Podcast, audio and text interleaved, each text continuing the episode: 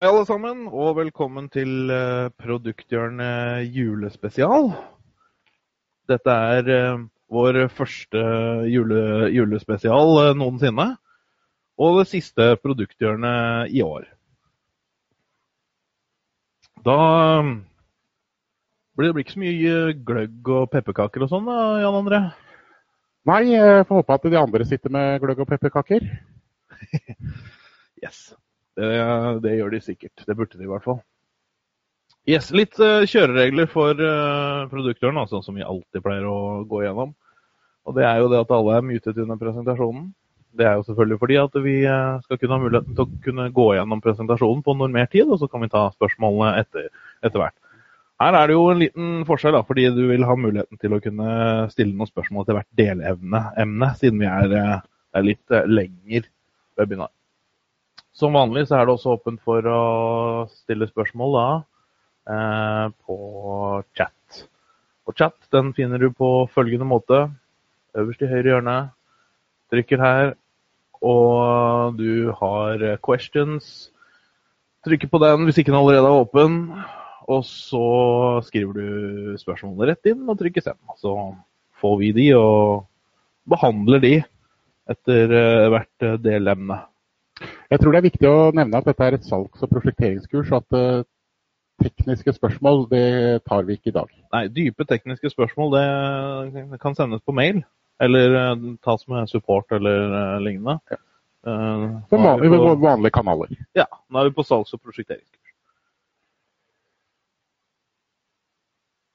Yes. Denne presentasjonen kan du også laste ned på, på høyre side. Samme bilde som du ser. Trykker pilen ned. Rett over questions så har du uh, handouts. Der uh, kan du laste ned denne presentasjonen. Yes. Da er det Jan André. Ja, det er jo et ARK system vi skal gå gjennom. Uh, salgs- og prosjekteringsmessig. Og vi kan jo tenke oss at alle dere som har jobbet med ARX gjennom tidene, har jo jobbet med et adgangskontrollsystem. Eh, men ARX har jo blitt eh, så veldig mye mer. Foruten adgangskontrollsystem så har vi også da et innbruddsalarmsystem, eh, fullstendig integrert. Vi har også brannvarsling. Må ikke forveksles med brannalarm, for i Norge så er det egen godkjenning. Men du kan tilkoble eksempelvis eh, branndetektorer, eh, røkvarsler og den slags, inn på innbruddsalarmen. Og eh, få da en melding over til vaktsentral. Det er jo slik at I Norge så har vi som sagt egen godkjenning for brannsentral. Og vi har egne regler for det, at alle bedrifter skal ha en brannsentral som går direkte til brannvesenet. Det er jo på mange måter et eget fag også? Det er et eget fag òg. Eh, men i Sverige eksempelvis så er ARK solgt inn til eh, kommune som kun brannvarsling. Ikke noe avgangssystem, ikke noe innbruddsalarm, altså kun, kun brannvarsling. Og da er det slik at i, ja, er det brann eller røykutvikling, så går da den beskjeden over til en vaktsentral, som igjen da eventuelt meddeler brannvesenet.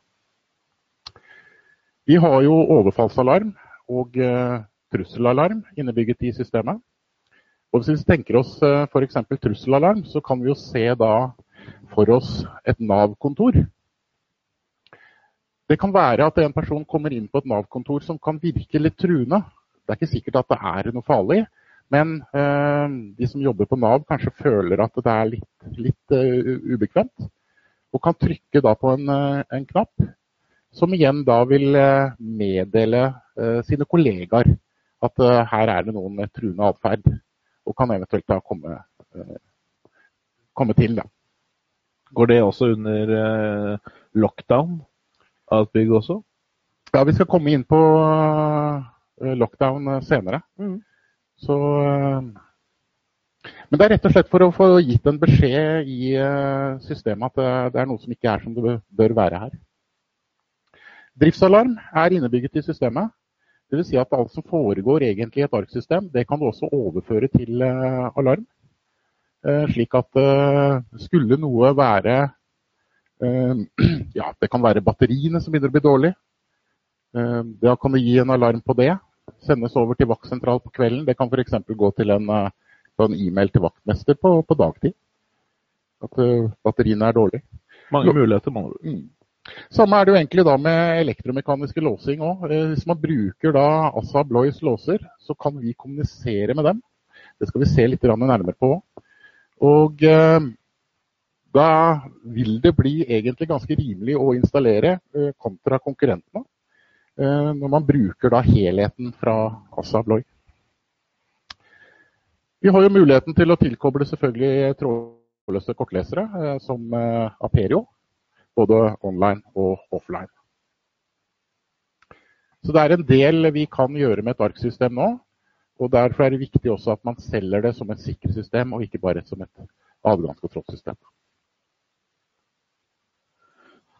Først så skal vi bare ta for oss selve selve adgangsbiten, da. For hvis du så det hjulet som vi viste, viste i stad, det er jo på en måte bare eh, alle disse delsystemene, altså samvirkende system, som vi kaller eh, som utgjør, utgjør, totalt sett ARK-sikkerhetssystem. Men eh, vi starter jo med avgangssystemet, for det er jo avgangssystemet sammen med alarmsystemet som på mange måter er ryggraden i eh, sikkerhetssystemet. Og som du ser her, dette er jo strukturen til, eh, til hvordan et eh, ARKS-avgangssystem ser ut.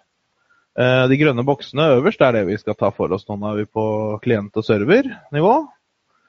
Og det vi kan si om serveren, da, det er kan kalle det litt barnslig at, at serveren er sjefen i avgangssystemet. Det er her eh, all informasjon eh, blir laget og blir sendt, eh, lagret og blir sendt hit. Det er, det er, på en måte der hvor det hele skjer. Um, og serveren installerer du på en Bør installere på en PC i hvert fall som står normalt på hele tiden. Om navnet, om du skal montere det på en server i en serverpark, det, det, det er veldig Det kommer helt an på kunden og størrelsen og osv. Men i hvert fall en PC som står på, står på hele tiden. Ja, og, og, gjerne da med fast IP-adresse. Fast IP-adresse, selvfølgelig, for den skal snakke med undersentralene, som, som snakker til den, denne serveren på fast IP. Um, og bare en sånn lite tips når vi først er innom det. Det er ikke helt direkte i forhold til dette med salgs og prosjektering, men det er veldig viktig å huske på å stille inn et automatisk backup. Og ikke minst tenke på hvor er det denne backupen skal til. Ikke noe vits at den går til samme PC, men til et annet. Den bør jo ikke da gå til samme PC, og vi har jo eksempler gjennom tidene hvor eh, folk har glemt backup. Eller at de tar backup til den PC-en hvor eh, serveren er installert. Så krasjer serveren, så krasjer også backupen. ja, det gjør den faktisk. Ja. Og, og, det eneste måten å bygge opp systemet på, på, nytt igjen da, det er å begynne på nytt. Mm. Eh, du har ingen uh, returmuligheter. Så hvis man har bare en enkel PC stående der, så bør man i minste installere da en ja, ekstern harddisk. Mm. Eller helt ned til i hvert fall en minnestikk ja. og kjøre backupen over på. Ja, det er gode tips. Så er det klienten. Klienten er jo på mange måter ikke noe mer enn det grafiske brukergrensesnittet som, eh, som på en måte, ja, til eh, serveren. Og den installerer du da på, eh, på de PC-ene som du eventuelt måtte ha behov for.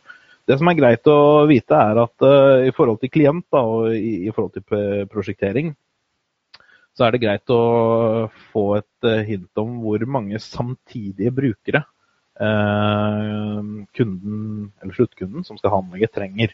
Eh, fordi at eh, det følger vel med én samtidig bruker. Du kan jo ha flere brukere, men du kan ikke være pålogget samtidig.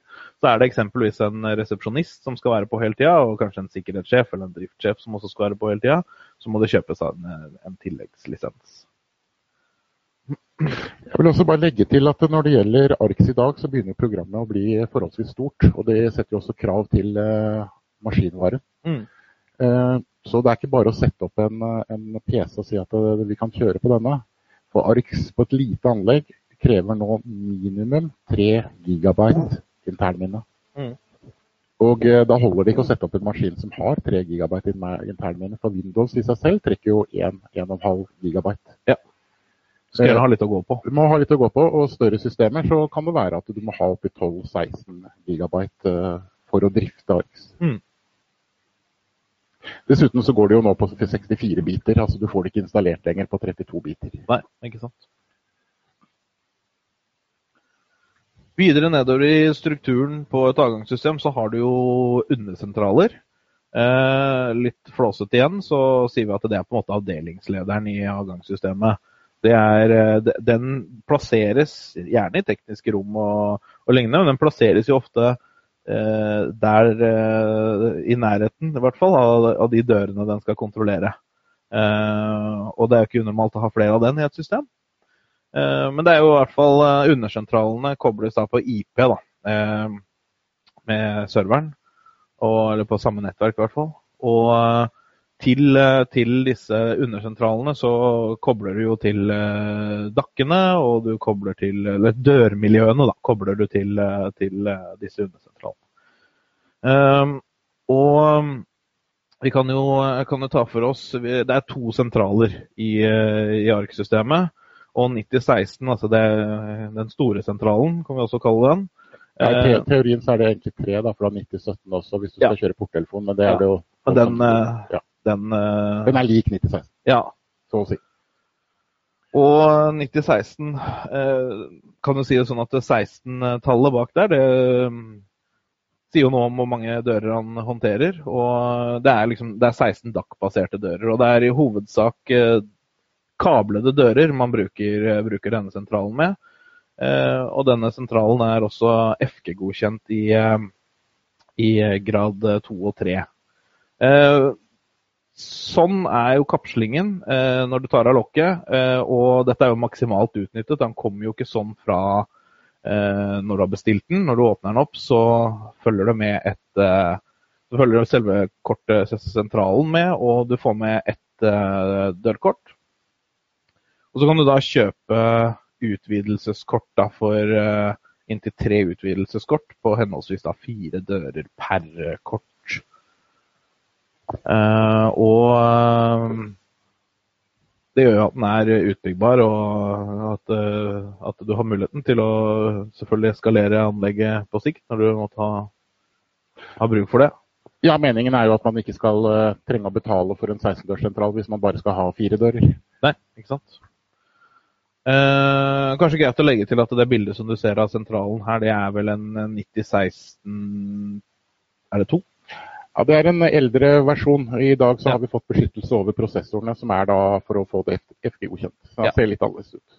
Men eh, 9016-2 vil også fungere, hvis man har det fra før, vil også fungere, men det, da vil du ikke få FG-godkjenning. Nei, det vil du ikke.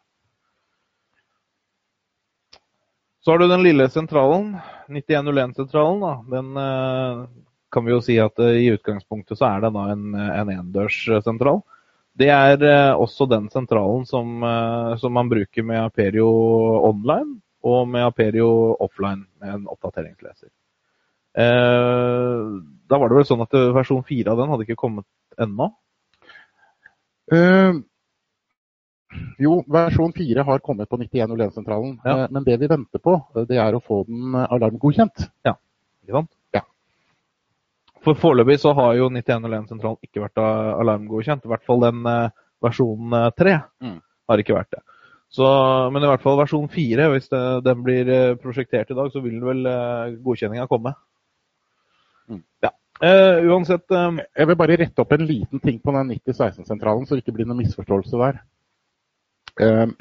det er liksom mange sånne tall der. Versjon 1, versjon 2, versjon 3. Mm.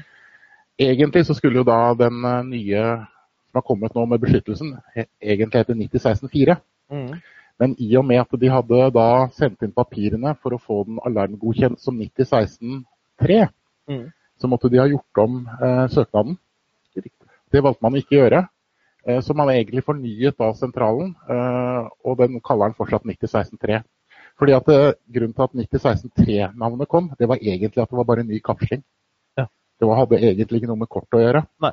Men eh, så vi sier jo da at eh, du kan kjøre alarmen på 9016 3-kortet, eh, altså den eldre utgaven uten eh, beskyttelsen. Ja, Men 9016-1 og 9016-2, der får du ikke kjørt alarmen. Nei.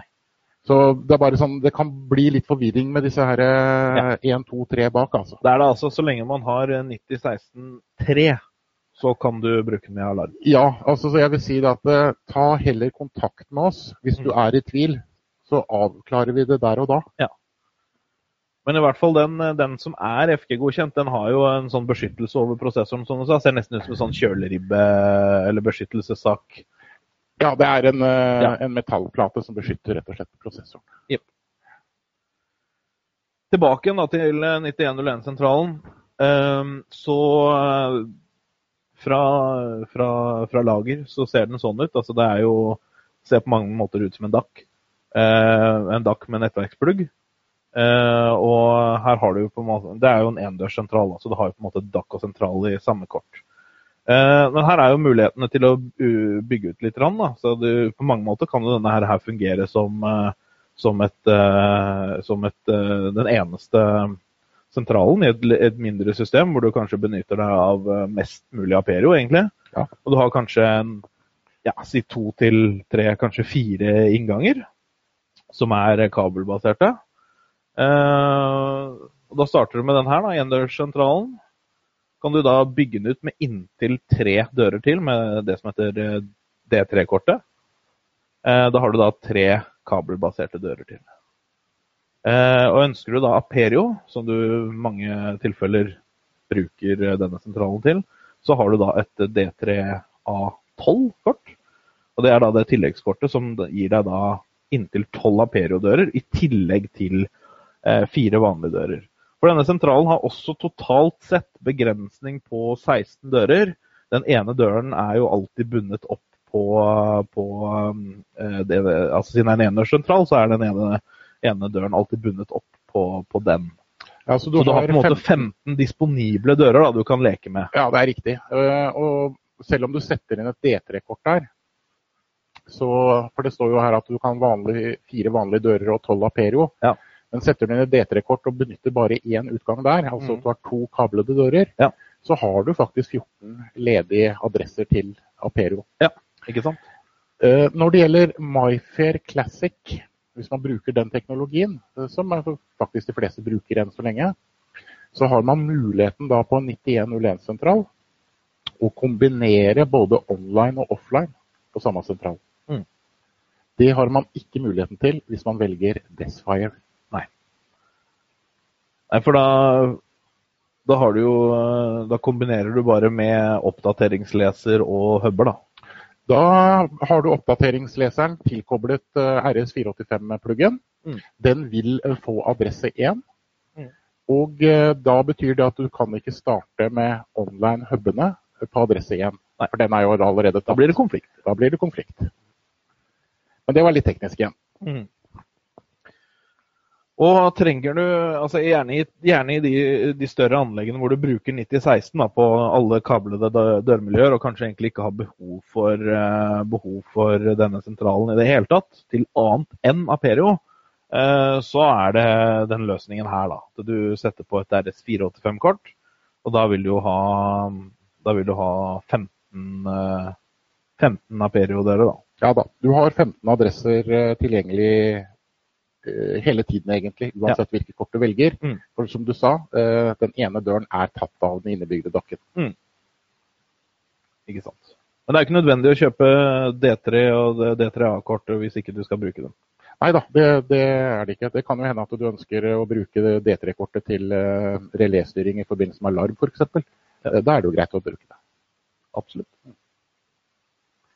Ja, da har vi vel egentlig tatt igjennom det som er av eh, selve adgangskontrollkomponentene.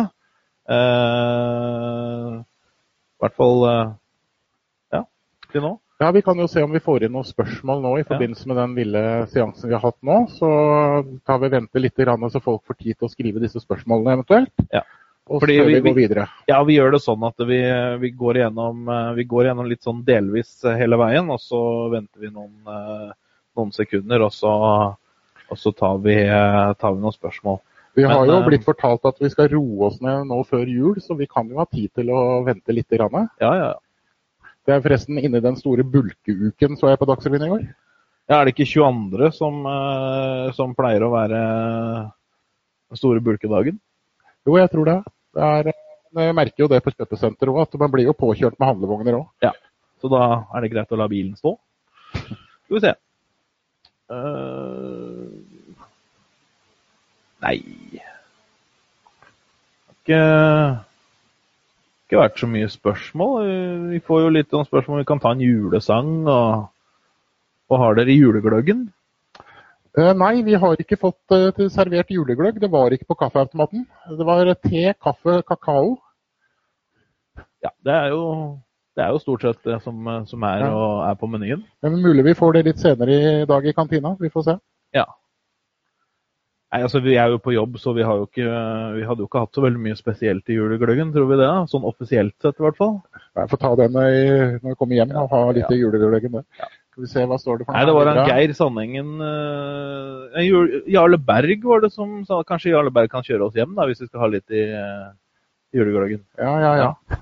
Nei, men Jarle Berg skal jo ha en seanse her om ikke så lenge selv, så vi kan jo sitte og stille spørsmål til han, vi da. Ja, ja, ja. er du gæren? Skal vi se. Her ser det ut som vi faktisk får et faglig spørsmål. Det er ikke verst. Hvem og hvordan dokumenteres det at anlegget er installert i henhold til FG? Hva overleveres, av, eh, hva overleveres til kunden av godkjenningsunderlag? Eh, det er det den enkelte installatør som må stå for. Eh, og for å få et FG-godkjent anlegg, så må også installatøren være FG-godkjent. Eh, I tillegg så må bedriften være FG-godkjent. Presiserer her at FG-godkjenninga går jo da selvfølgelig på alarmbiten, da, og ja. ikke på avgangssystemet. Ikke på avgangssystemet. For det er jo ikke noe FG-godkjenning på et avgangssystem. Nei. Nå er det jo slik at uh, de fleste bedrifter i dag de vil gjerne ha et FG-godkjent system, men de bryr seg ikke så veldig mye om at installatøren er FG-godkjent.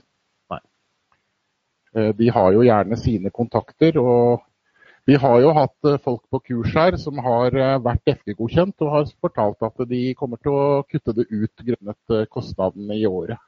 Ja. Og at etterspørselen etter installatøren er lik null. Mm. Nå skal ikke jeg stå her og si om det er smart eller ikke. Eh, det får noen andre vurdere. Men uh, uansett så er det installatøren som står for dokumentasjonen som skal leveres inn. Ja. Spørsmål til er eh, kan Aperio aldri brukes på 9016? Det er jo noe som har vært drøfta før. Ja da. Per dags dato så kan ikke Aperio benyttes på 9016. Men ja, vi har lagt inn ønsker om å få det endret. Det ligger i pipelinen eh, ønsket vårt. Om det blir prioritet, det kan jeg ikke si. Det er det utviklingsavdelingen til eh, Assa Bloy som bestemmer. Mm. Ja. Nei, jeg ser ikke at det har kommet inn noen flere spørsmål nå. Eh, vi har jo noen slides vi skal gå gjennom, så vi bør vel kanskje Skal vi se Her ja. Presisering fra Thomas Brattelien, ser du, Tom. Uh, FG-godkjent anlegg skal registreres i portalen til FG. Krever at kunden inngår serviceavtale med FG-godkjent bedrift og alarmoverføring til FG-godkjent mottak. Ja, det er bra. Kan ikke du komme ned, Thomas? Så blir du med oss. Et spørsmål til. Kjell Sverre Jacobsen. Blir dette lagt ut slik at man kan se det også senere? Eh, ja, vi, eh, vi, gjør jo det. det. det. skal vi legge ut etterpå. Ja, eh, det blir lagt ut. Eh, og, og du kan jo som sagt laste ned presentasjonen. da. Men det er sikkert litt informasjon rundt det som er greit å, ja. greit å ha. Så det, vi skal legge ut det senere. Men da tror jeg vi kanskje skal uh, rulle videre, sånn at vi klarer oss på, på tiden. Mm. Og da er vi på litt lenger ned da, i systemet. Vi er jo på en måte fortsatt på avgangssystemet, men vi er på dørmiljøene. Og vi, uh, vi, uh, vi snakker DAC. Vi snakker dakk, vi. Ja. Og litt sånn generelt om DAC-en. Altså, det står jo for Door Access Controller og er jo på mange måter dørsentral eller dørkontroller. Dørnode ville kanskje noen også kalt det, jeg vet ikke. Ja, Kjært barn, mange navn der. Ja. Men det er i hvert fall den smarte koblingsboksen for alt som finnes på dørmiljøet, kan man vel på mange måter si. Der går både elektrisk lås og dørautomatikk og åpningsbryter og kortleser og ja, gudene veit hva. Ja, jeg skal være litt flåsete, så skal jeg si at jeg tror det er en av bransjens mest intelligente dørsentraler. Dakken vår, ja? Ja. ja. Tror ikke du har feil i det. Sikkert noen som kan argumentere mot det, men uh, vi har jo muligheter her til å uh, koble inn foruten dørmiljøer. Uh, så kan man koble inn elektriske låser. vi har jo muligheten til både å kjøre analogt og ikke minst kryptert digitalt, som vi selvfølgelig anbefaler. fordi da prater vi med de digitale produktene som det henger på, altså via Hayo. Hayo det gir jo en enorm mulighet. Eh, foruten så har du nå kryptert kommunikasjon helt ut i låskassa. Det er jo veldig enkelt å tilkoble. Det er jo egentlig bare to tråder på kommunikasjon, og selvfølgelig da driftsspenning.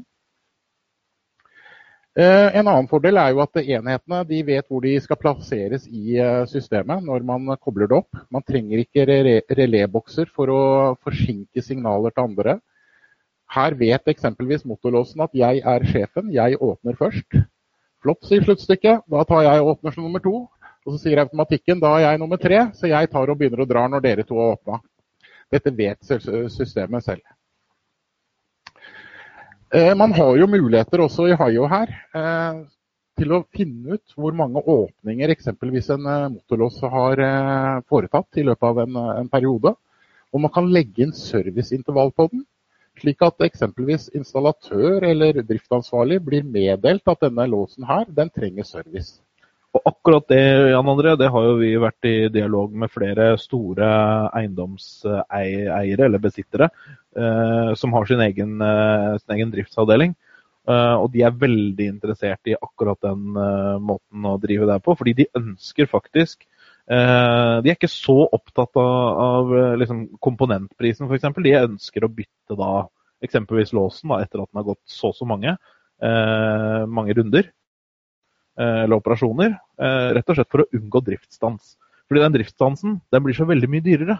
Da har du i tillegg til eh, komponenten, så har du jo nattutrykning kanskje. Du har utenom arbeidstid. Du har eh, ja, en hel, et helt apparat som må settes i gang.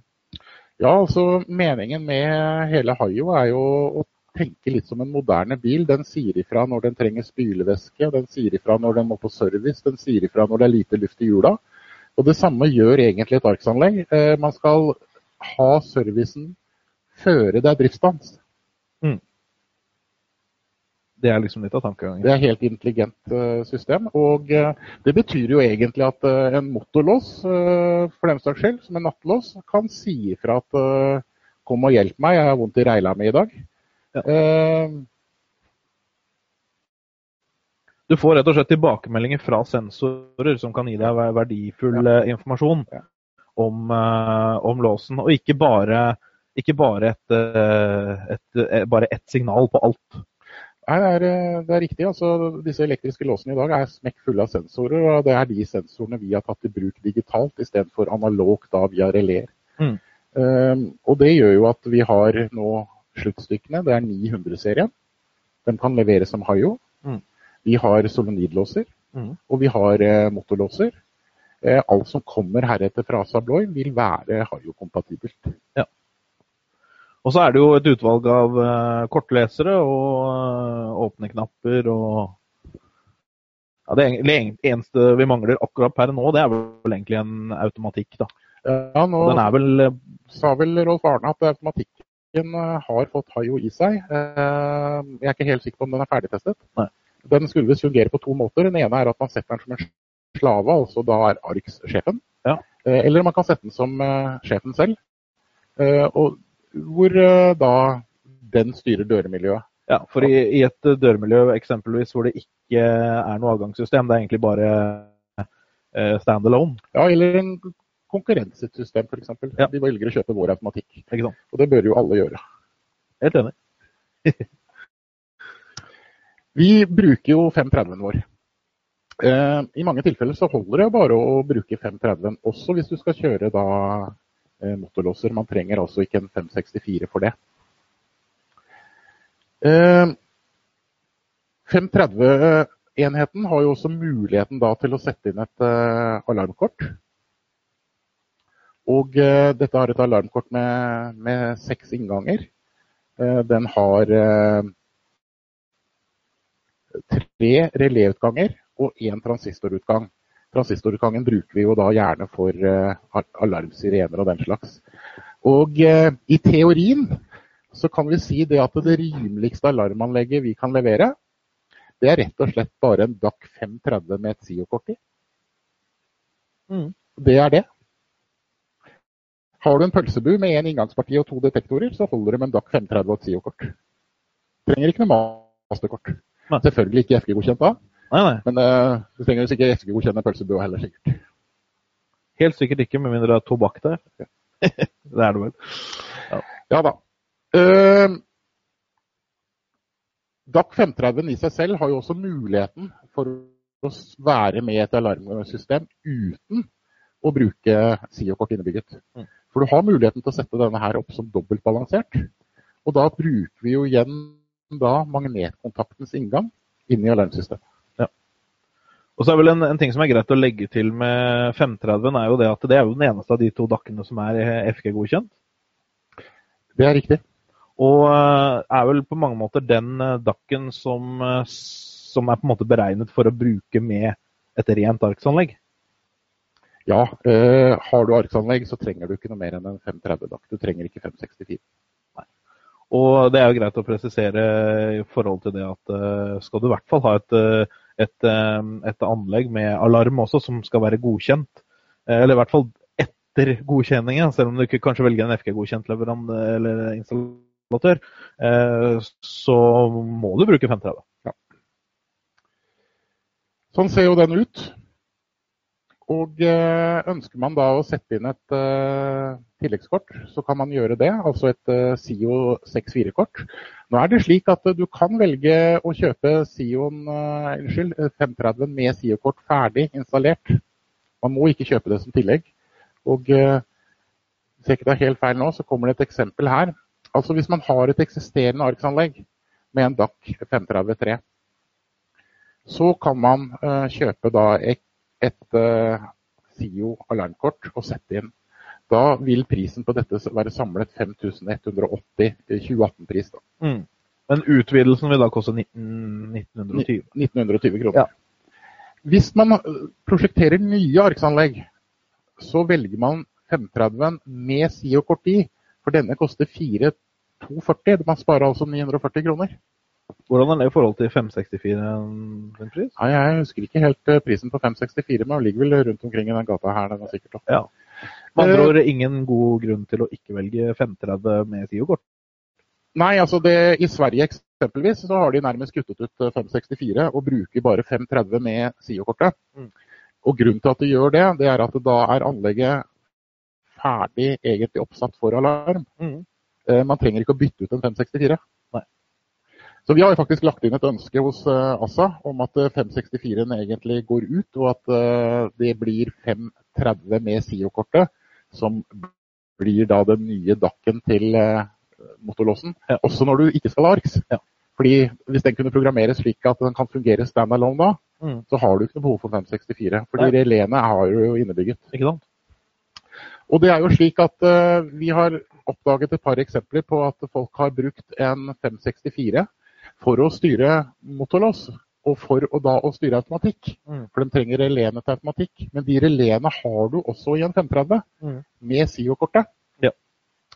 Og da er det jo slik at eh, la oss si du har, brukt denne her også til alarm. Så har du utgangene da til alarmen. I dette eksempelet så har jeg lagd utgang 1 og utgang 2. Da har jeg bare sagt at jeg har sirene henholdsvis på datarommet, og jeg har lagt også en sirene på ugyldig kort. da. Og da ser man det at utgang 3 den er nå ledig. For å huske det i framtiden, så kan man sette inn teksten da 'reservert for DAC-funksjon'. Det betyr jo da at hvis det kommer en installatør ved en senere anledning og skal bruke relé 3 til noe, så vil jo noen se at det kan jeg ikke, for den er allerede brukt til en DAC-funksjon. Og Når man da går inn i selve DAC-en, så vil man jo finne da reléutgangene. Og da tar man relé 3 og setter man det at den skal brukes til dørautomatikk. Og nå har du altså en 530 DAC. Den styrer da elektrisk lås. Den styrer eh, tilkoblet kortlesere. Den er tilkoblet nå eh, dørautomatikk. Og den er eh, en alarmnode. Ja. Og i tillegg eh, så har du da en eh, som er fremtidssikker. Ja. Hvis kunden ønsker å bytte alarmsystem eksempelvis, og få det integrert i ARK-systemet. Så, så, på mange måter så sparer man kunden for fremtidige utgifter. Og man viser at man er en leverandør som tenker langsiktig for kunden. Da. Så det er jo egentlig veldig, veldig godt tips. Da ser vi egentlig her hva vi kan dytte bytte inn i en eh, stakkars liten 530 DAC. Det er jo eh, kortleser med og uten tastatur. Det er kortleser med og uten display. Vi har exit-knapp for utpassering. Vi har eksempelvis elektrisk sluttstykke, vi har solonidlås, vi har motorlås, albuekontakt for utpassering hvis du bruker automatikk, og vi kan koble da alarmdetektorer direkte inn i dakken.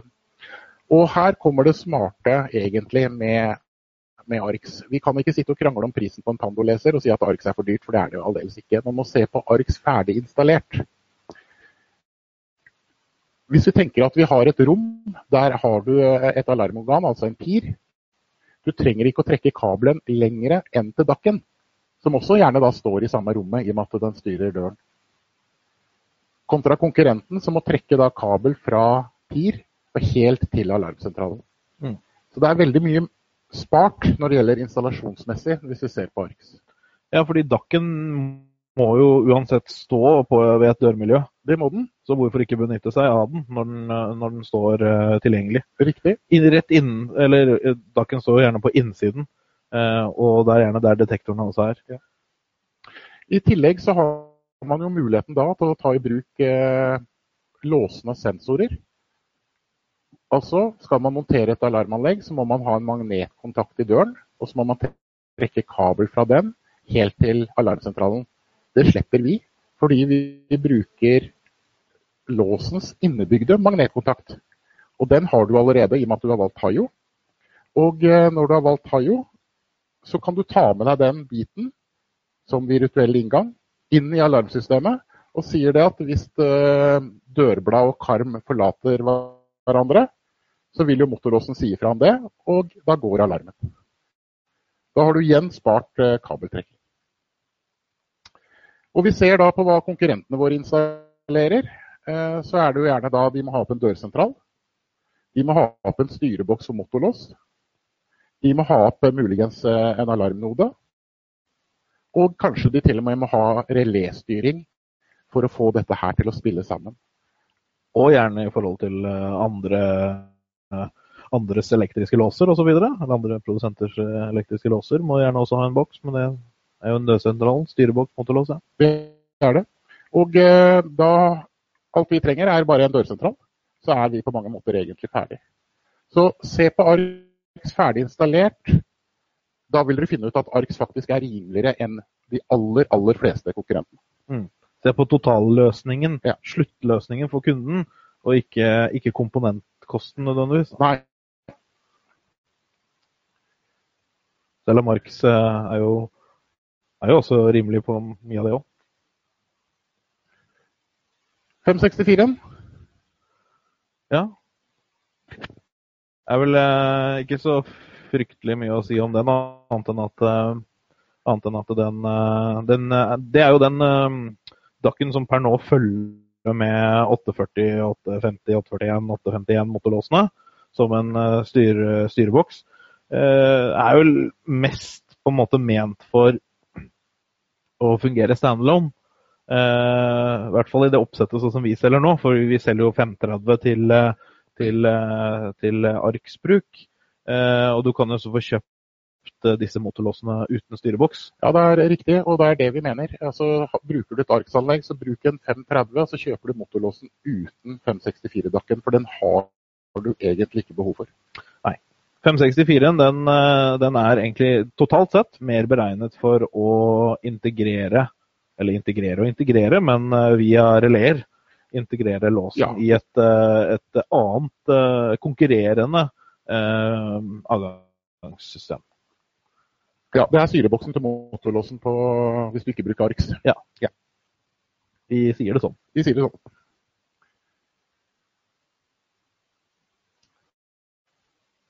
Ja, da var tiden kommet for en spørsmålsrunde til. Så vi skravler og skravler, vi. Ja, vi får jo høre da om det er, eh, om det er noen spørsmål. vedrørende dette. Får bare skrike ut, folkens. Hvis ikke det så er jo noe- tiden til å fylle på med litt uh, kaffe og sette fram pepperkakene. Pepperkakene og Men du bakte sju slag i går, du. Ja. Ja. Stor sjanse for det. Du pleier å gjøre sånt. Ja. Veldig huslig av deg. Veldig. Det er godt du er gift.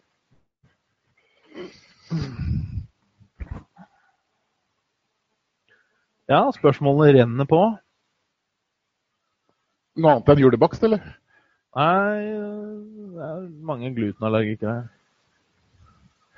Nei da, har ikke, har ikke rent på noen ting. Vi venter, vi venter litt vi skal se om det skjer noe aktivitet før vi går videre. Hvis det ikke kommer spørsmål, så må man jo ha forstått hva vi har sagt. Ja. Vi, får, eh, vi ser på sånn. Eller alle logga av. ja. Det er en kommentar her. Det er ikke så verst å ikke være gift heller. Nei, da er det, da er det Man er da normalt gladere når man ikke er giftere? Ja, mulig det. Det er i hvert fall eh, Da er det sikkert innkjøpte sju slag, da. Ja, jeg tror ikke jeg bryr meg så veldig mye om den. Jeg tror jeg aldri har hatt sju slag. Det var en restaurant en gang som serverte sjuretters middag for 100 kroner. Dette er jo veldig lenge siden. Det var en løksuppe og en sixpack.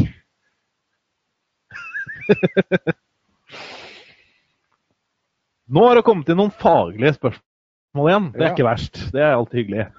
Hva med Hayo nødåpner? Er det noen som sier. Vi har lagt inn et ønske hos uh, Assa Abloy om å få uh, nødåpner Hayo med kortleser. Så den ligger også da i uh, ønskelisten til julenissen. Så da er det bare om å gjøre å være snille barn, da. Ja, det, som sagt, prioriteringslisten der, den eh, Det har jo med hvor mange enheter har du tenkt å selge. Naturlig nok, for det koster jo å ta fram et produkt. Eh, jo til automatikk. Er dette kun integrert i nye automatikker, eller kan en kjøpe et tilleggskort? Vi vet vel ikke helt ennå. Det er, vi vi er ikke der ennå. Men uh, godt spørsmål. Veldig godt spørsmål. Uh, Eh, nei, det kan jeg faktisk ikke svare på. Uh, det må vi høre med Rolf Arne, hvordan det er tenkt. burde jo vært selvfølgelig noe i forhold til bakoverkompatibilitet, som i og for seg vi alltid har i tankene. Ja, men Man kan skifte styrekortet og så få det jo kompatibelt. Ja, mulig. Det er ikke sikkert det går, men dette er noe som kommer senere. Men, men godt spørsmål, som sagt.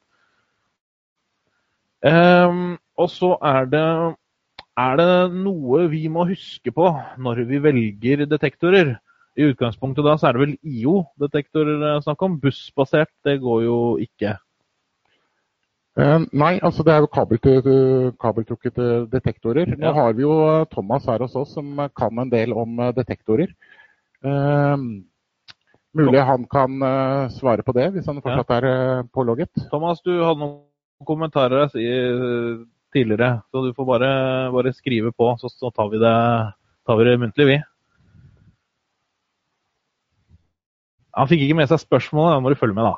Det, er, det som er spørsmålet, er om det er noe vi skal eh, tenke på eh, når vi velger detektorer.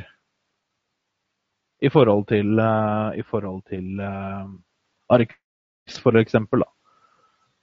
Og da tenker vi ikke på tilkoblingsmåten, for den har vi, eh, den har vi allerede omtalt. omtalt. Ja, det, eh, jo, hvis det er snakk om eh, grad 3 så må det være antimask. Antimaskdetektorer. Ja. Det er vel eh, utgangspunktet utgangspunktet det som er greit å få med seg. Eh, takker for det, Thomas. Som sagt, du er fortsatt velkommen ned til å fylle ut uh, hva du enn måtte ville. Og så er det noen spørsmål til her. Uh, hvordan håndteres brannstyring? Jeg er litt usikker på, hvor, på det spørsmålet. Altså, hvis man snakker om røkdetektorer og den slags, så kobler man jo det inn i en uh, DAC eller et SIO-kort på, på, vanlig måte. Uh, men så er det også slik at innbruddsalarmen og brannvarslingsanlegget skal jo også kommunisere på en måte. Det vil jo si at Hvis det er brann i et bygg, så er det med stor sannsynlighet at innbruddsalarmen er slått ut. Den står og uler innbruddsalarmen, og da vil ikke brannvesenets røkdykkere gå inn i bygget før alarm. Føre alarmsirenen er skrudd av. Og Grunnen til det er at uh, brannvesenet uh, kommuniserer jo med hverandre. Uh, og det får de ikke gjort hvis det bråker for mye i et bygg. Det vil si da at når brannvesenet kommer på en plass, og da går til sin brannsentral og gjør en manøver der, så skal sirenen i innbruddsalarmanlegget eh, holde tyst. Um, jeg vet ikke helt hvordan jeg skal svare noe mer. Jeg må få litt mer utdypende hvis det, det ikke var svaret. Nei, vi kan i hvert fall, kan i hvert fall fortsette uh, litt. Og det er uh, spørsmål om om uh, hai åpne-knapp. Hva heter den på Trioving-siden? Og pris. Uh, hva den heter Vi kommer, vi kommer inn Vi, vi kommer, på den, men den heter Pando Touch. Den leveres i to utgaver. Det er Hayo, og så er det Relé. Men det står i klartekst da på, på våre sider. Da. Ja. Og så er det et spørsmål angående automatikk igjen. Blir det Entrematic eh, DA med innebygd UPS som de har jo I så fall eh, sørg for at eh, en kan få status for batteri for UPS. Ja, vi har ikke så veldig mye eh, å bidra med på det det svaret. Men igjen et godt spørsmål. Men eh, rett gjerne det spørsmålet direkte til Rolf Arne. Ja, egentlig. Eh, gjerne direkte til Rolf Arne som eh, Nei, nå er det vel Rune. Rune Orderud som, som er automatikken. Ok. Så rett gjerne det spørsmålet direkte til han. Vi viderebringer uansett spørsmålet, men, men, men gjerne gjør det. Og det er vel det om at dette med Hayo og dørautomatikk er vel ikke Det er ikke som at vi har sett noen prototype ennå. Vi bare har, har hørt små gryter, halsører osv. Så, videre. så vi vet vel ikke så veldig mye med statusen akkurat på det. Men godt innspill. Uh, Skal vi se om det er noe mer spørsmål her, da.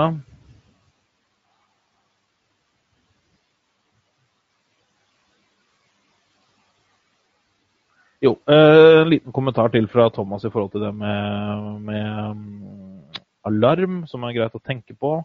Eh, det er ikke bare på detektorer, men det er liksom driftstid på batteri nå. Da. Det er forskjell mellom grad 2 og 3. Det gjelder jo også, det gjelder også strømforsyningen.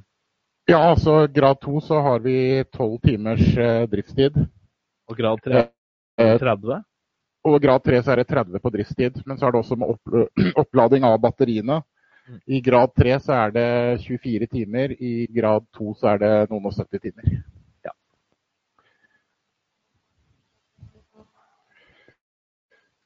Nei, men da, da har vi vel uh, eh, 72. Da kjører vi videre. 72 timer, sier uh...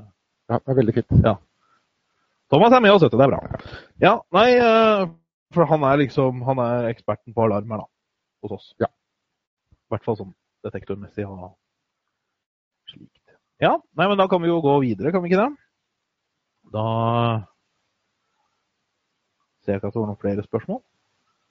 Så da kan vi vel gå ned på, på dette med kortlesere. Det er jo kanskje det som for mange er eh, det mest eh, kjente uttrykket med et avgangssystem. Det er disse kortleserne. Det er det man ser. Det er jo det. Og eh, her har vi jo vår kjente Egentlig blitt en traver, det. Pando Secure. Pando Secure, ja. Her ser vi at den kan støtte både Hayo og CL-kommunikasjon. Dette er den siste utgaven som støtter CL-kommunikasjon. Alle andre enheter som kommer heretter, er kun Hayo.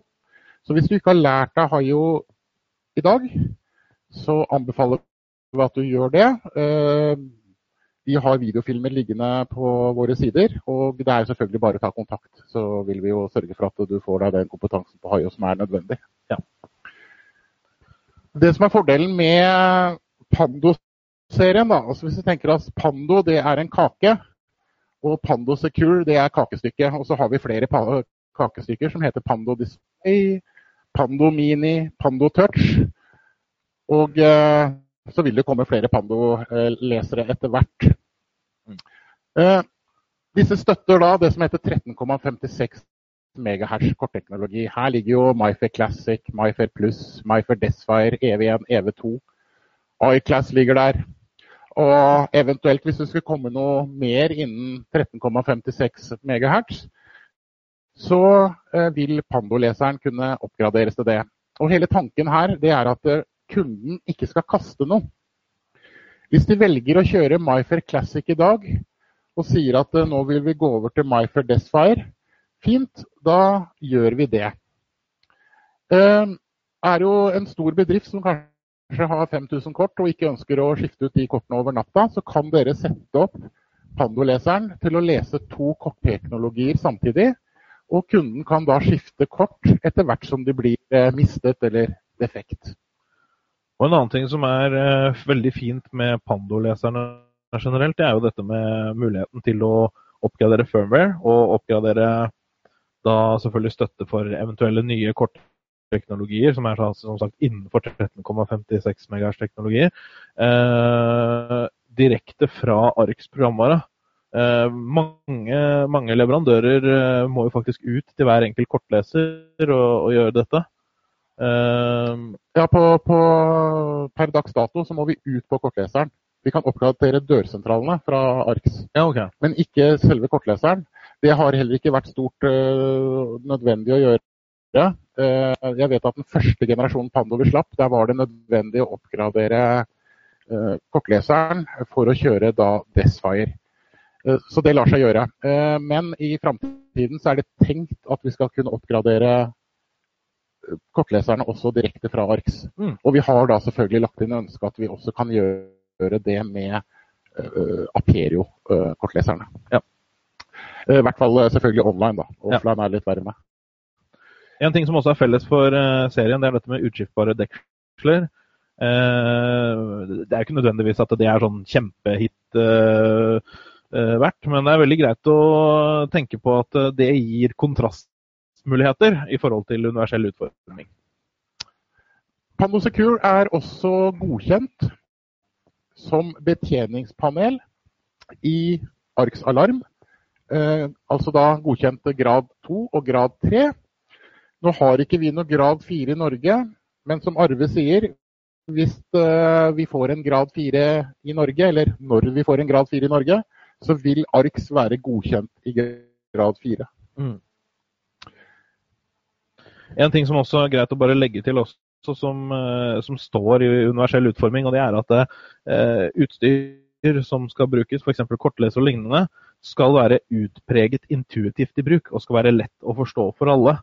Um, og da, jeg har vært borti veldig mange forskjellige kortlesere rundt omkring. og uh, det er vel ikke alle som på en måte er like intuitive i forhold til i hvert fall belysning og kanskje lydgivning.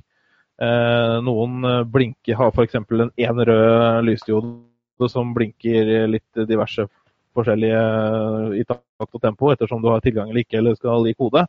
Men her er det veldig tydelig på på PandoSecure. I tillegg til et oversiktlig og, og, bra tastatur, så har du klar indikasjon på om det er liksom adgang nektet, adgang eh, innvilget, eller om du skal taste, taste, kode. Både med lys og lyd. Ja, det Når det gjelder eh, lyset, så var det jo slik at vi prøvde oss på en liten periode. De av dere som husker 7585-leseren, og ikke minst da kodelås 22 CL, så gikk vi over fra gult til blått lys. Vi syntes at blått lys var veldig mye penere. Men det syns ikke de som var svaksynte. Eh, de sa det at uh, gult lys er desidert det beste lyset de kan ha for å, for å se. Mm. Uh, og da gikk vi tilbake igjen selvfølgelig til gult lys. Og de av dere som også har lagt merke til, så er femmertasten den er da uthevet med en liten ja, bulk, for å kalle det det. Som gjør at blinde lett kan manøvrere et tastatur. Vi har jo også sett i bransjen at noen leverer såkalte jeg kaller det for iPhone, er altså glasslesere. Ehm, du, du, ser ikke, du finner ikke en blind med, med, en iPhone. Derfor vil de også ha problemer med en glassleser. Ja, Da er det bedre med Doro-stilen. Da er det bedre med Doro-stilen. Greit å bare legge til du ser bildene til høyre her. Eh, det er jo vandalsikringen, som du har tatt uh, patent på navnet Pando Stygg. Det er Pando Stygg. Mm. Skal bare legge til, jeg, da, uh, for å si det at uh, det er vel ikke veldig vakker andre, andre vandalsikringer heller. Men, eh, men, uansett, den gjør jobben. Det er det den er lagd for. Det er å gjøre jobben. Eh, slag, spark og, og en god lighter. Så eh, ja. Den leveres både til ja, Pando Secure og Pando Mini har vi værdeksel, nei, værdeksel, vandalsikret deksel. Ja. Da hopper vi til Minien. Den er jo på mange måter helt identisk, bortsett fra at den ikke har tastatur, og at den er eh, IP65-klassifisert, for den kommer jo da på helstøpt kabel med pigtail. Og hvis du tar av dekselet på den, eh, så blir det jo som en sånn liten, eh, liten sånn, holdt jeg på å si, en liten sånn pille Fyrstikkeske? Fyrstikkeske, som du kan f.eks. putte bak et, et ringetablå til porttelefon eller lignende, så lenge det ikke er metall foran. Da. Eh, så du kan på en måte integrere den i, eh, i andre systemer. Eh, går i en veggboks også, tror jeg. Den passer inn i en veggboks, og den kan jo egentlig i teorien legges bak en liste også. Ja. Og hvor lang kabel er den kommer? Er det tre meter, eller? Ja. Den er jo da ikke alarmgodkjent av helt åpenbare grunner fordi den ikke har tastatur. Den har ikke tastatur, men uh, når man leker litt med Arks alarm, så har man jo muligheten til å sette på at man skal bare bruke kort til å skru av og på alarmen. Uh, mm. Så ja, man kan jo sette den opp og ja, gjøre ja. det. Tokortsvisning. Uh, det er jo, to, er jo totalt ubrukelig, men veldig morsomt. yes. Pando Display, det er en allsidig kar. Ja, på mange måter så blir dette her eh, en av de bedre kortleserne. Denne skal jo brukes eh, selvfølgelig som et betjeningspanel i Arks Alarm. Den brukes som en kortleser og betjeningspanel hvis du velger å ha den på døra i tillegg. Den blir eh, oppdateringsleseren, eller den er oppdateringsleseren nå til uh, Offline Desfire. Offline Desfire, ja. Uh, og jeg håper jo selvfølgelig at vi skal få den også som oppdateringsleseren til uh, Offline uh, Classic. Mm. den har et display, og det displayet i dag det fungerer jo veldig fint i forbindelse med, med alarm, selvfølgelig. Den fungerer i forbindelse med, med oppdateringsleseren. Her står det jo nå i klartekst at man skal holde kortet der, vent litt osv. Dør åpen, dør lukket, PIN-kode osv. Det står nå i klartekst. Meningen er også at man skal uh, kunne skrive meldinger fra ARKS og sende da ut til uh, leseren. og Da kan det jo være slik at når du kommer på jobben om morgenen og viser kortet ditt, så står det i klartekst 'du har sparken'. Det er hyggelig personalpolitikk. Eh, kanskje ikke rett før jul, nei. nei. Men god jul kan det jo stå, da. Ja. eh, Greit også å legge til at han eh, kommer som standard som, som hvit. da.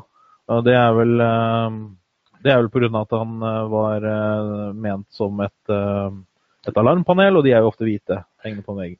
Ja, det er jo tilbake til den der kontrastene som du snakket om, universell utforming. Men dette er det svenske markedet som ønsket da at den kom som standard hvit og ikke sort. Mm. Og da hørte da Sverige på seg selv Og de har jo sagt at hvis vi ønsker noe annet, så kan vi alltid kanskje få tvunget det igjennom. Men så langt så har vel ikke det vært noe stort problem eller etterspørsel. Og de som har ønsket sorte lesere, har jo da skiftet dekselet selv. Ja, for den tilhører jo Pando-familien, så det er jo på samme måte der òg. Du får vel andre farger og Der har du de samme ni fargene som du kan eh, bytte til. Vi ser jo at det er jo da sort, hvitt og sølv det stort sett går i. Og så er det noen ja. som har eh, ja, valgt oransje, gult, eh, blått på sine bygg. Da. Ja. Så det er for så vidt greit. Valgets kval. Her ser man jo at denne kan du ikke koble som CL-kommunikasjon. Det er kun uh, Hayo hvis den skal kobles opp som leser til en DAC.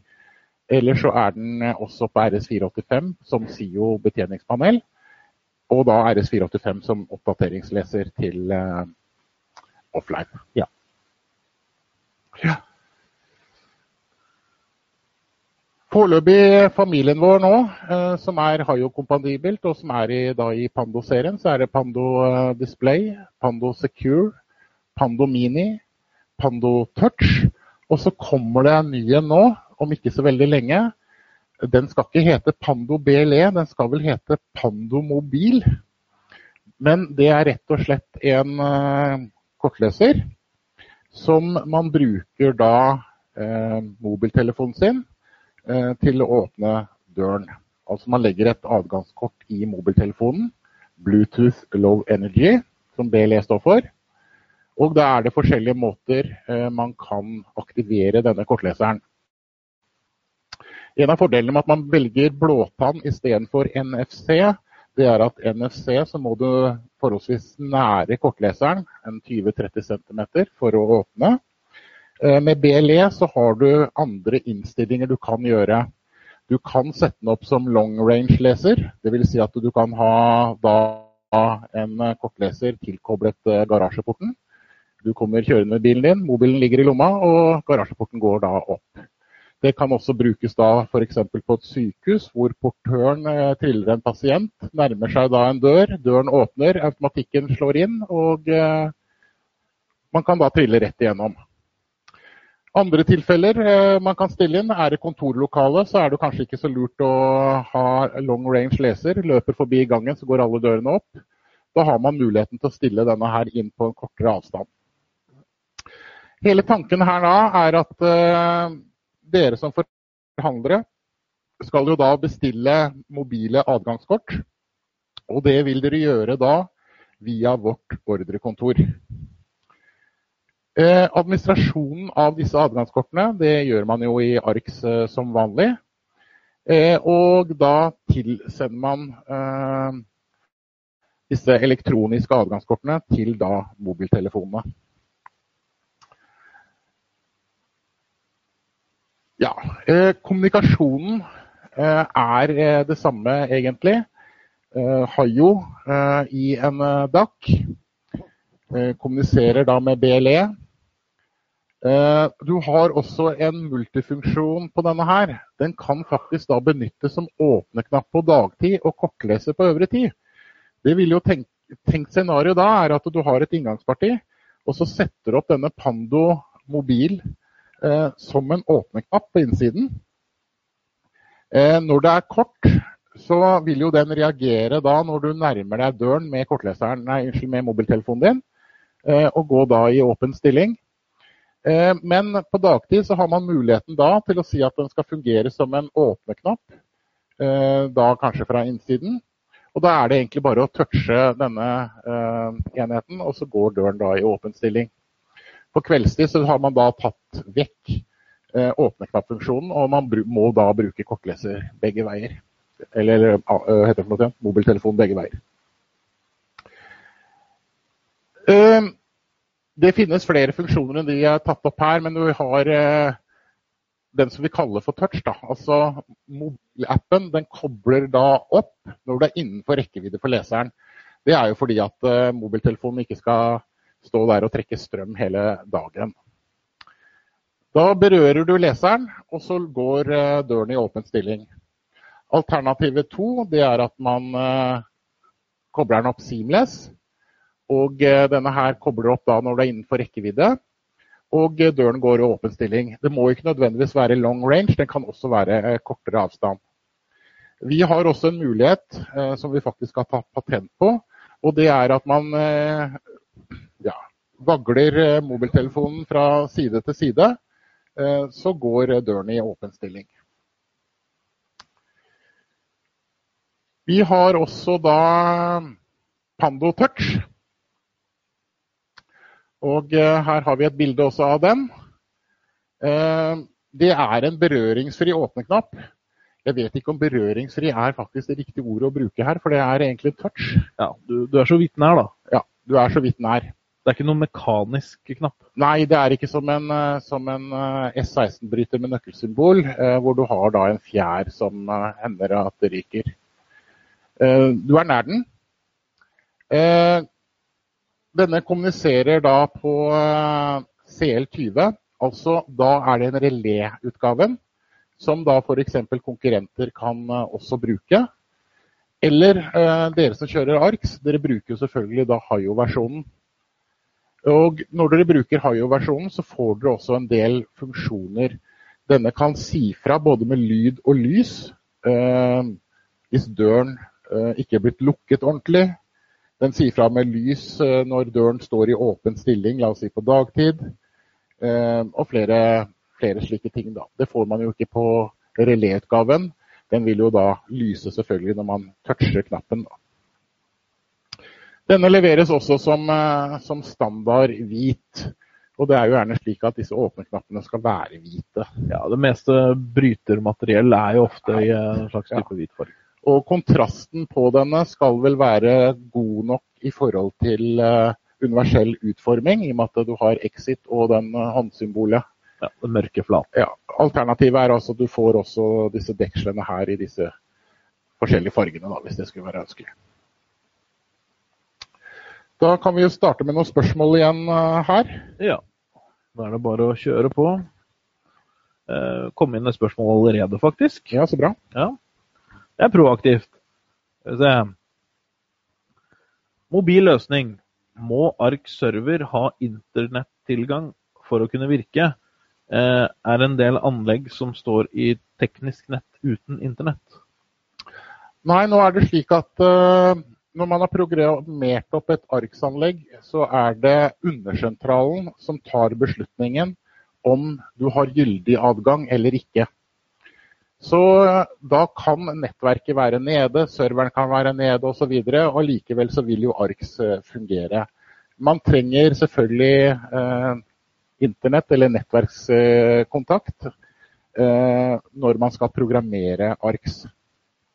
Ja, dette var i forhold til, jeg tror det var i forhold til eh, den mobile løsningen.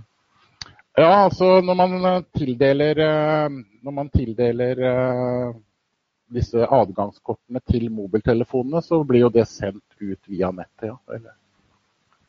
ja Det mobile kortnummeret må være registrert i databasen? Ja, det registreres jo som, en, eh, som, en vanlig, som et vanlig kort med et eh, kortnummer. Men så er det jo da mobilnummeret, eller nei, unnskyld, eh, heter det mobile adgangskortet må jo tildeles en mobiltelefon. Mm. Og den må du sende ut. Mm. Men det sender man altså ut via en portal.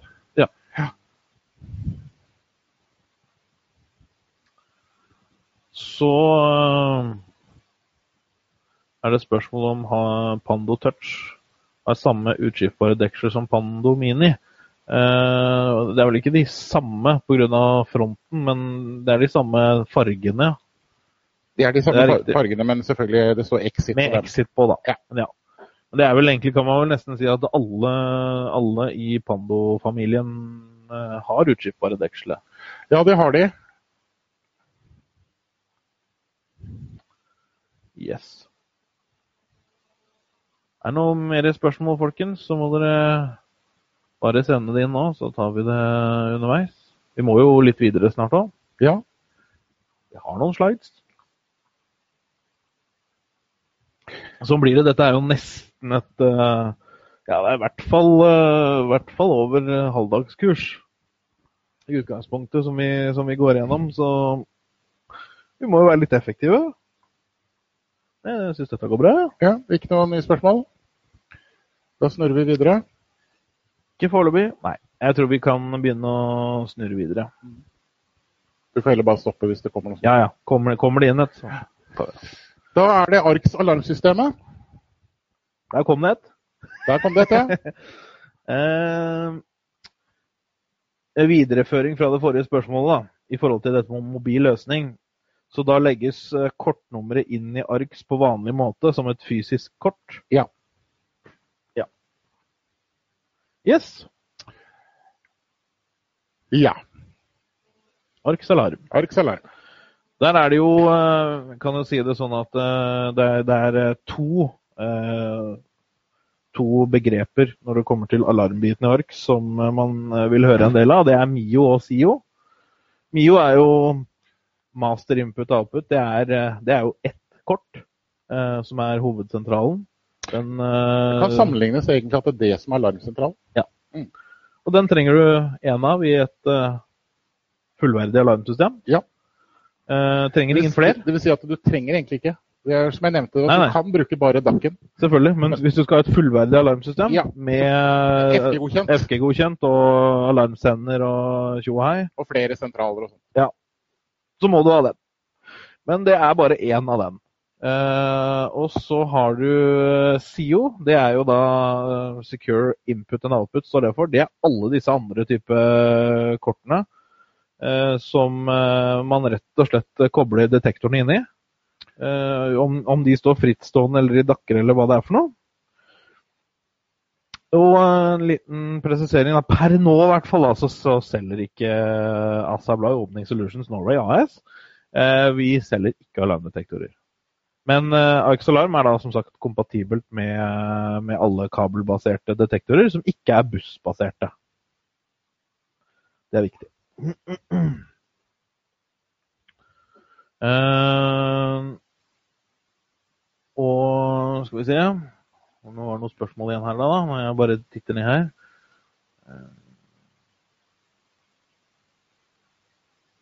Vi, har jo, vi kaller jo også den der såkalte RS485-sløyfa på alarmsystemet for SIO-buss.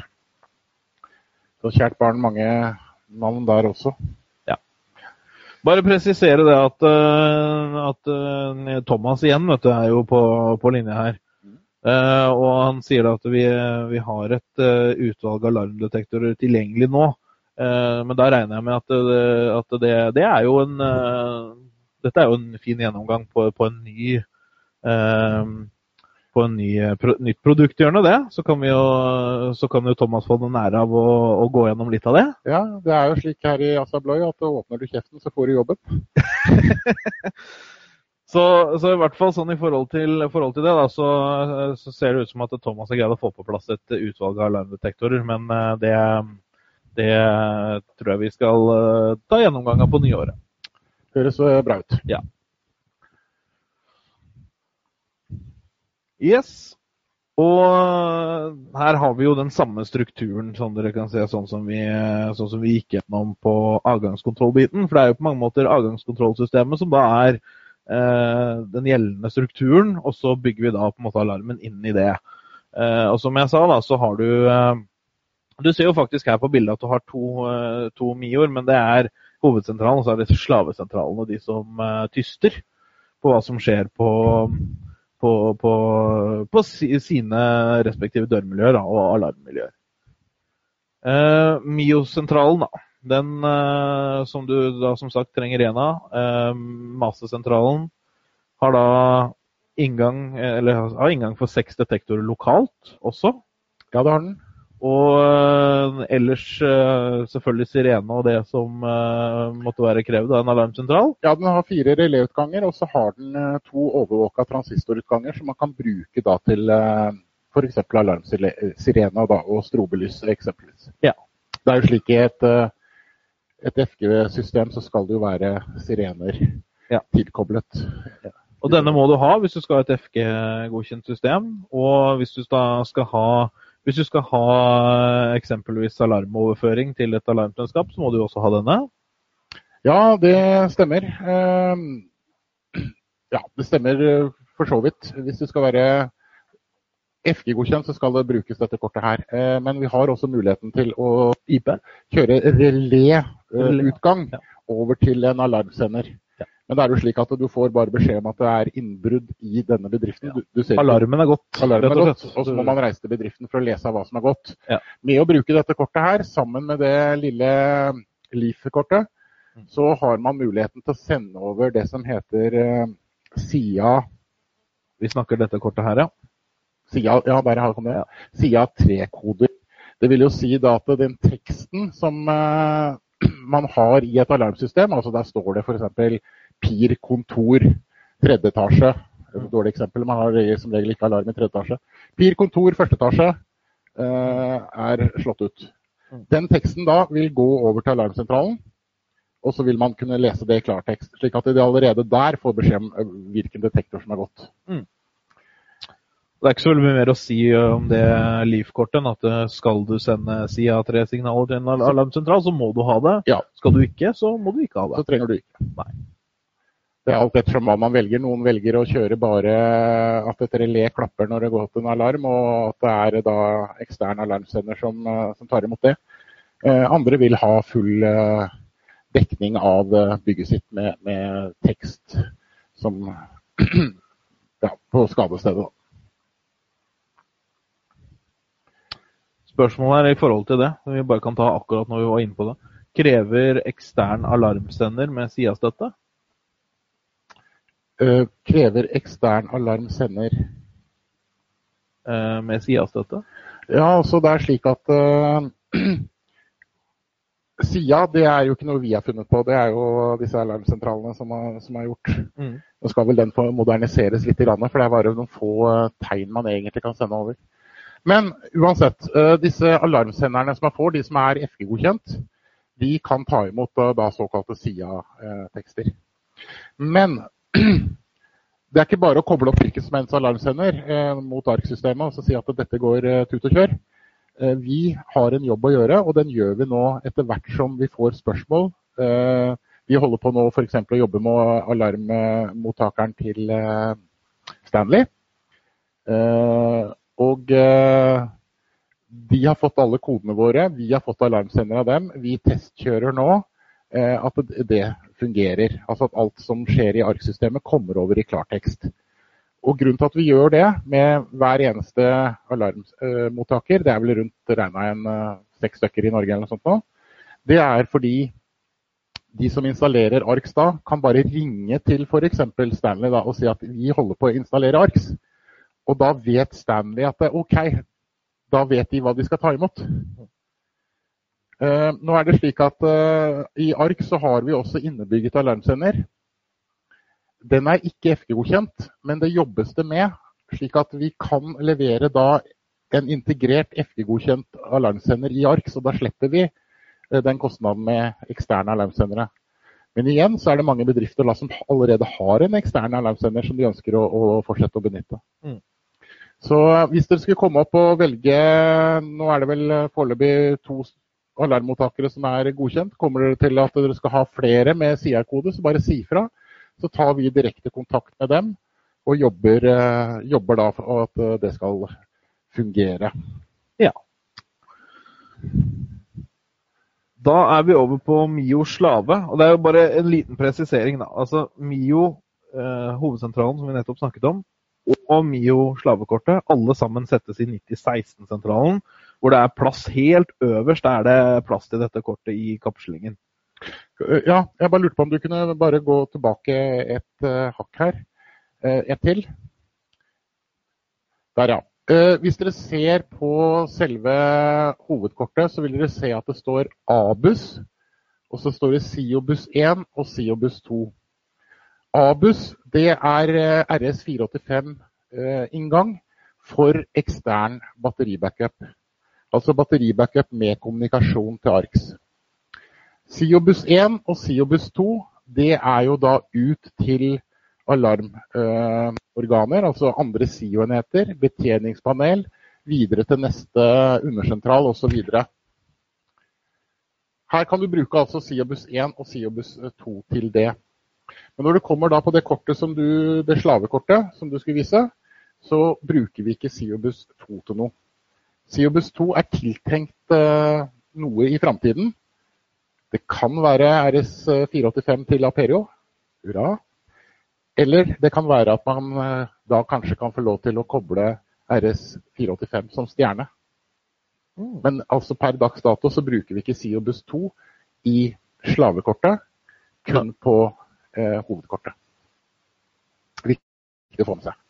Ja, Så vi bruker Siobus 2 på hovedkortet, men i slavekortene så bruker vi ikke Siobus 2. Nei. Og da kan man jo si det sånn at da, da bruker man Siobus 1 mellom slavekortene, da, kan, du, kan vi si, og ut, videre utover til andre. Ja, stemmer. Ja. Ja, men det var en vi har vel et tegning på hvordan vi kan gjøre det eh, senere i sendingen. Ja. Tilbake til Mio slavekortet, da det er jo på en måte helt likt som eh, Mio, uh, Mio 66-kortet, altså hovedkortet, bortsett fra at det har veldig få innganger og ikke, så, ikke, ikke den funksjonaliteten. Men det er vel rett og slett uh, den, den, skal jo på en måte sladre på alt som skjer. Altså alle miljøer som er koblet til denne undersentralen, skal den sladre videre til masesentralen. Ja, det er den funksjonen det kortet har. Ja. Rett og slett en tyster. Og så mye mer enn det er det ikke å si om den. At den, den driver med tverrkommunikasjon mellom undersentralene. Ja. Nå er vi nede i dørmiljøene. Ja, og er, rommiljøer. Det er jo det som er det smarte med Arks Alarm. fordi eh, Vi har jo ikke bygget en alarmsentral sånn som eh, folk kjenner det mest, at man må dra alle kabler inn der.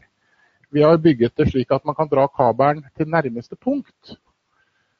Og nærmeste punkt i mange tilfeller, og det ser vi også salgsmessig, det er eh, dørsentralene.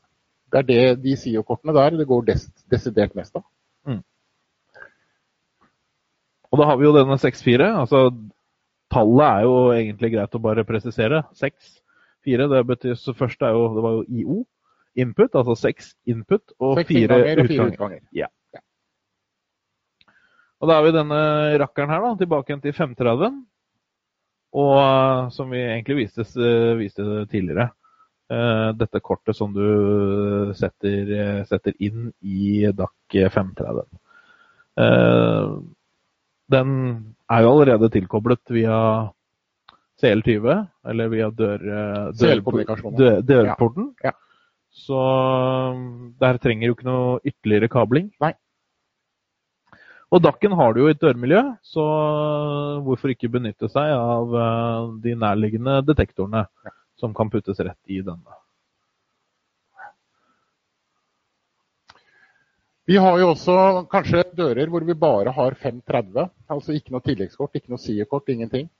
Men vi kan allikevel bruke denne 530-en som dørovervåking. Eh, vi kan ta den med eh, som virtuelle innganger, og dvs. Si at vi henter henter da informasjon fra dørmiljøet. Det kan være da sensorene på den elektriske låsen. Det kan være eh, ting som banalt som at du har du brukt eh, et ugyldig kort på datarommet, så går det en varsling. Eh, det er fordi at alle hendelser som man får da fra et dørmiljø, det kan vi ta inn i alarmsystemet.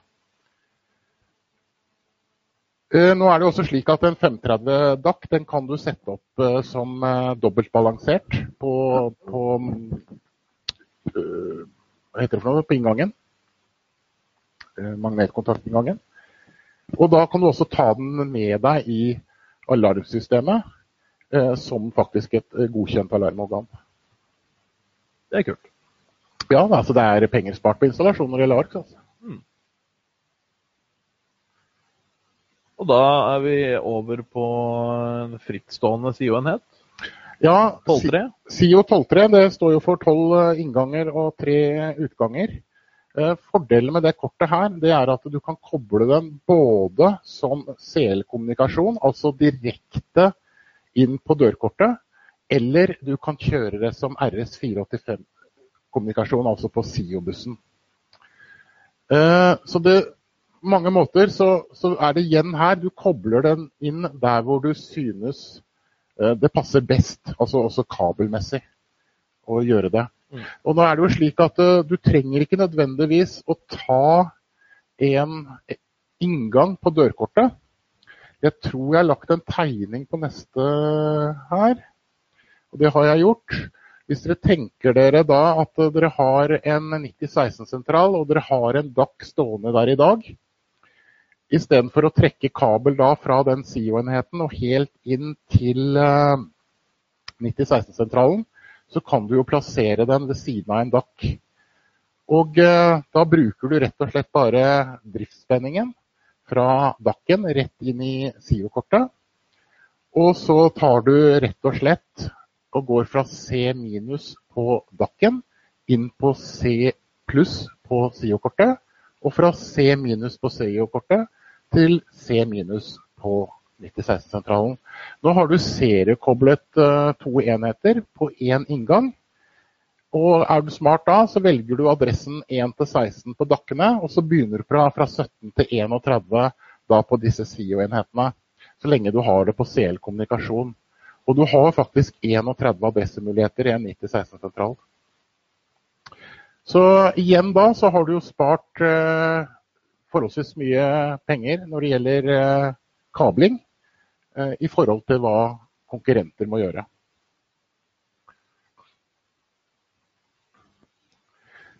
Ja, da har vi den uh, Bare for å presisere det tilbake til den uh, 12-3-en, den som vi nettopp var innom, den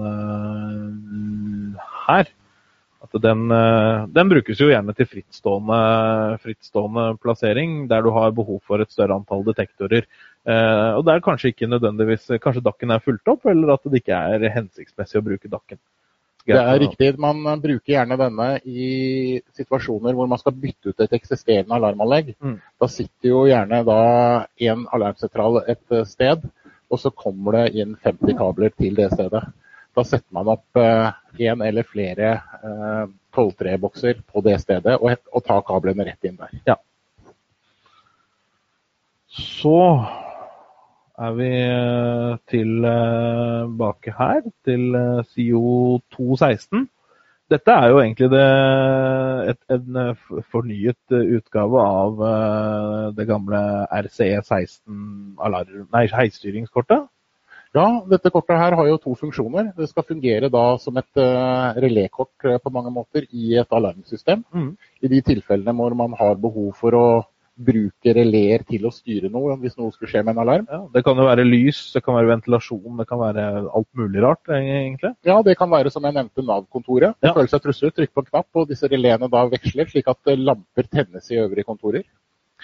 Eh, men eh, den har også en fordel. Den kan da brukes som en RC16-boks, altså en heisstyringsboks. Mm. Det er heiskortet, egentlig. Vårt, uh, ja. I ARK-systemet så ja, er det heisstyringa. Faktisk, da er det egentlig bare å slå over DIP 6 og 7 på denne boksen når man installerer det, pluss selvfølgelig adressering. Uh, så er denne nå en frittstående enhet som heter RC16-kort. Ja, så egentlig, egentlig, så er det to kort putta inn i ett kort? Ja, faktisk. Og ja, så har du også ikke så mange innganger, men du har i hvert fall eh, du har to innganger, og så har du da 16 relevutganger. Ja. Noe mer å si om det er det vel ikke? Nei.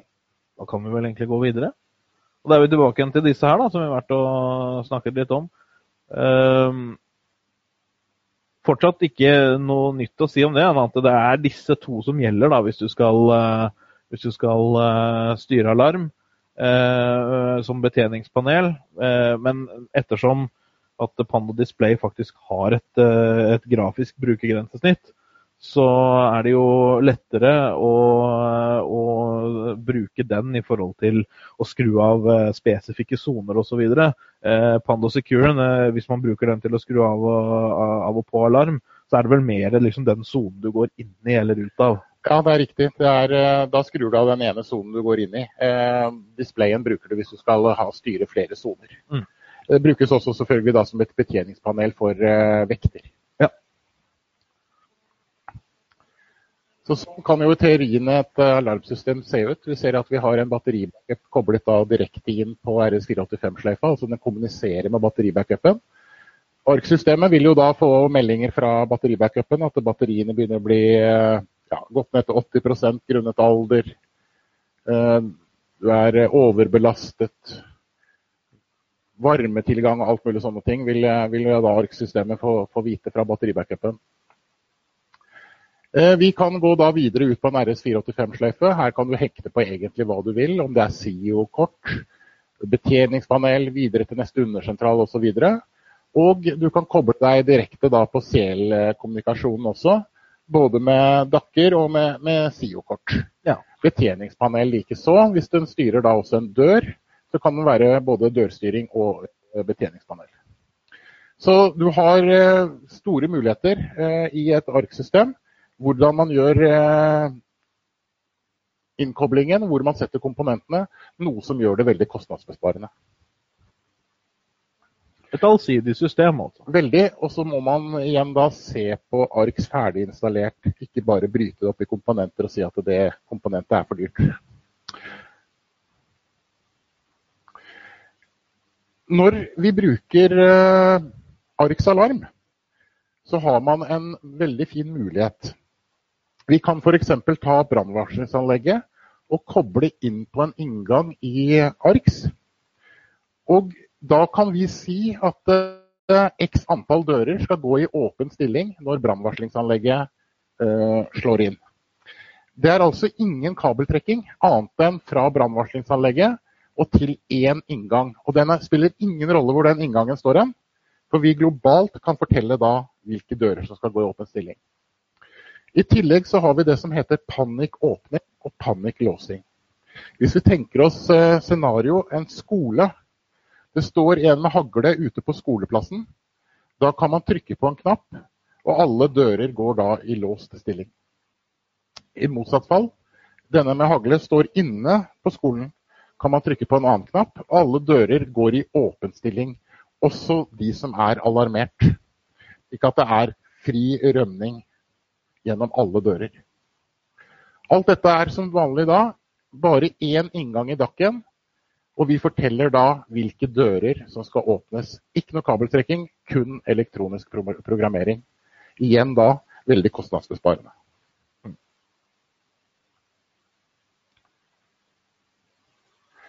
Hvis vi ser på ARK-systemet i dag, så har vi jo kablet dørmiljø. Vi har trådløst dørmiljø.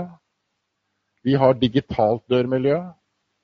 Vi kan koble inn elektronisk sylinder, altså vi kan kommunisere med click remote. Vi har kortproduksjon eh, innebygget.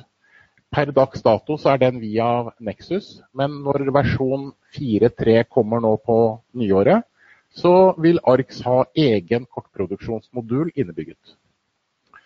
Vi har alarm innebygget i systemet. Og det som er da den store forskjellen fra oss og alle andre leverandører, det er at vi kan knytte det digitale dørmiljøet opp mot alarmsystemet. Dvs. Si, vi kan ta da det digitale dørmiljøet, dra det inn som virtuelle innganger i alarmsystemet og utnytte hver eneste lille sensor som finnes. Det er det ingen andre som kan. Og det er et enormt salgsargument når dere er ute da hos bedrifter, kommuner osv. Og, og forteller at eh, eksempelvis vaktmester kan få en e-mail fra låsen som sier at døren har ikke gått i lås i dag. Eller ikke åpnet seg i dag. Noe å tillegge, kjære Håkon? Nei, eh, ikke på dette her. Da har du jo helt, fullt og helt holden kontroll på. Det har du. Viktigheten er jo da selvfølgelig at man bruker Assa Abloy sine låser. Elektrisk sluttstykke 900-serien, solonidlåser, eh, motorlåser. Eh, og da selvfølgelig Hayo. Det må være Hayo for å få til øh, den fulle integreringen.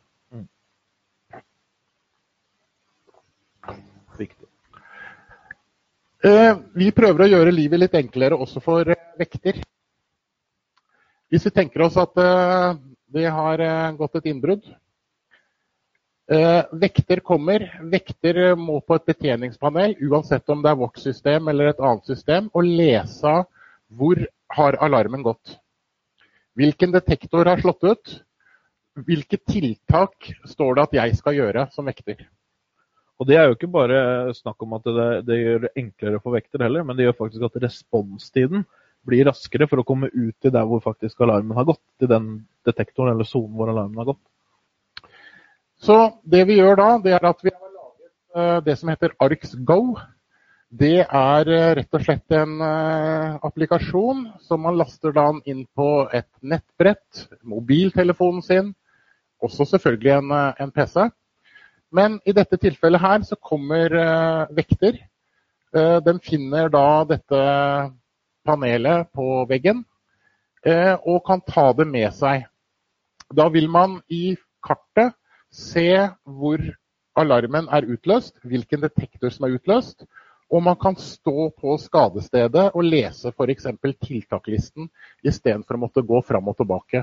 Det er jo ikke eh, slik at enhver vekter kjenner den bygningen man rykker ut til. I dette tilfellet så vil man jo da på mange måter få et lederlys i gulvet i form av et kart, og kan finne fram til skadestedet relativt raskt. Andre som er tilkoblet da med Arx Go og ser at alarmen er utløst, vil jo også da kunne se at det faktisk noen har begynt å jobbe med eh, problemet. Så har vi Arx Kontroll. Arx Kontroll er et eh, prosjektnavn. Denne er beregnet til Q4 2019. Og det er altså ARX grafisk presentasjon. Da vil vi kunne dra hele dørmiljøet inn i tegninger. Uh, og her er det slik at Man kan jo bygge dette lagvis. Så mange lag man vil, egentlig. Du kan starte med norgeskartet. Det blinker i Bergen. Du trykker på Bergen. I Bergen så ser man at man har tre bygg. Uh, du klikker på det bygget som uh, alarmen er utløst, og så kan man bla seg nedover helt ned til skadestedet. Her har man jo muligheten også til å sitte med grafisk presentasjon på ja, i resepsjonen eksempelvis. Man kan sitte da og åpne dører bare med å klikke på dørene. Man drar egentlig da en dør inn i tegningen, og så bestykker man den da med de komponentene man har. Det kan være kortleser, det kan være motorlås, det kan være elektrisk sluttstykke, det kan være alarm osv. Men som sagt, dette er eh, prosjektnavnet, ARKS Kontroll. Og eh, Q4 2019 er denne beregnet til fortsatt litt tid å vente, men uh, den som venter på noe godt, den venter uh, ja. ikke. Så det er kanskje litt tidlig å gå ut og si hva vi kommer med, men jeg syns det er greit å, å, vite. Mange kjøper jo ARX for framtiden. og vi har faktisk ting liggende i pipelinen, slik at vi har passert år 2030. Så det er relativt mye ting som skal inn i ARKS underveis.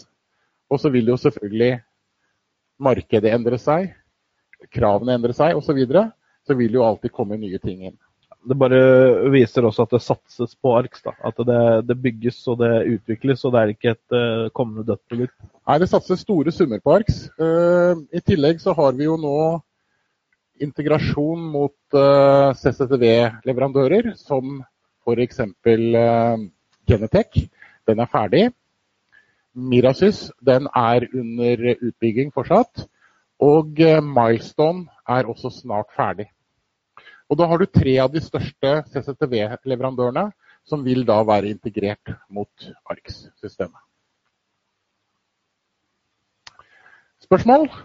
Jeg kan i hvert fall ta opp uh, ett spørsmål som jeg har fått uh, underveis. Dere andre som har spørsmål, bare skriv dem inn med en gang, så, så tar vi det.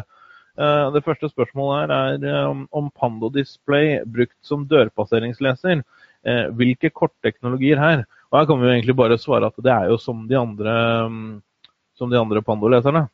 Ja, den går på 13,56 uh, MHz, og der ligger MyFair Classic, MyFair Desfire, MyFair Ultralight, MyFair Pluss osv. Se oss uh... Så den kan ta og lese teknologier innen 13,56 MHz. Mm. Akkurat det samme som Pando Mini og Pando Secure. Ja. Og iClass. Selvfølgelig. Og iClass. Ja.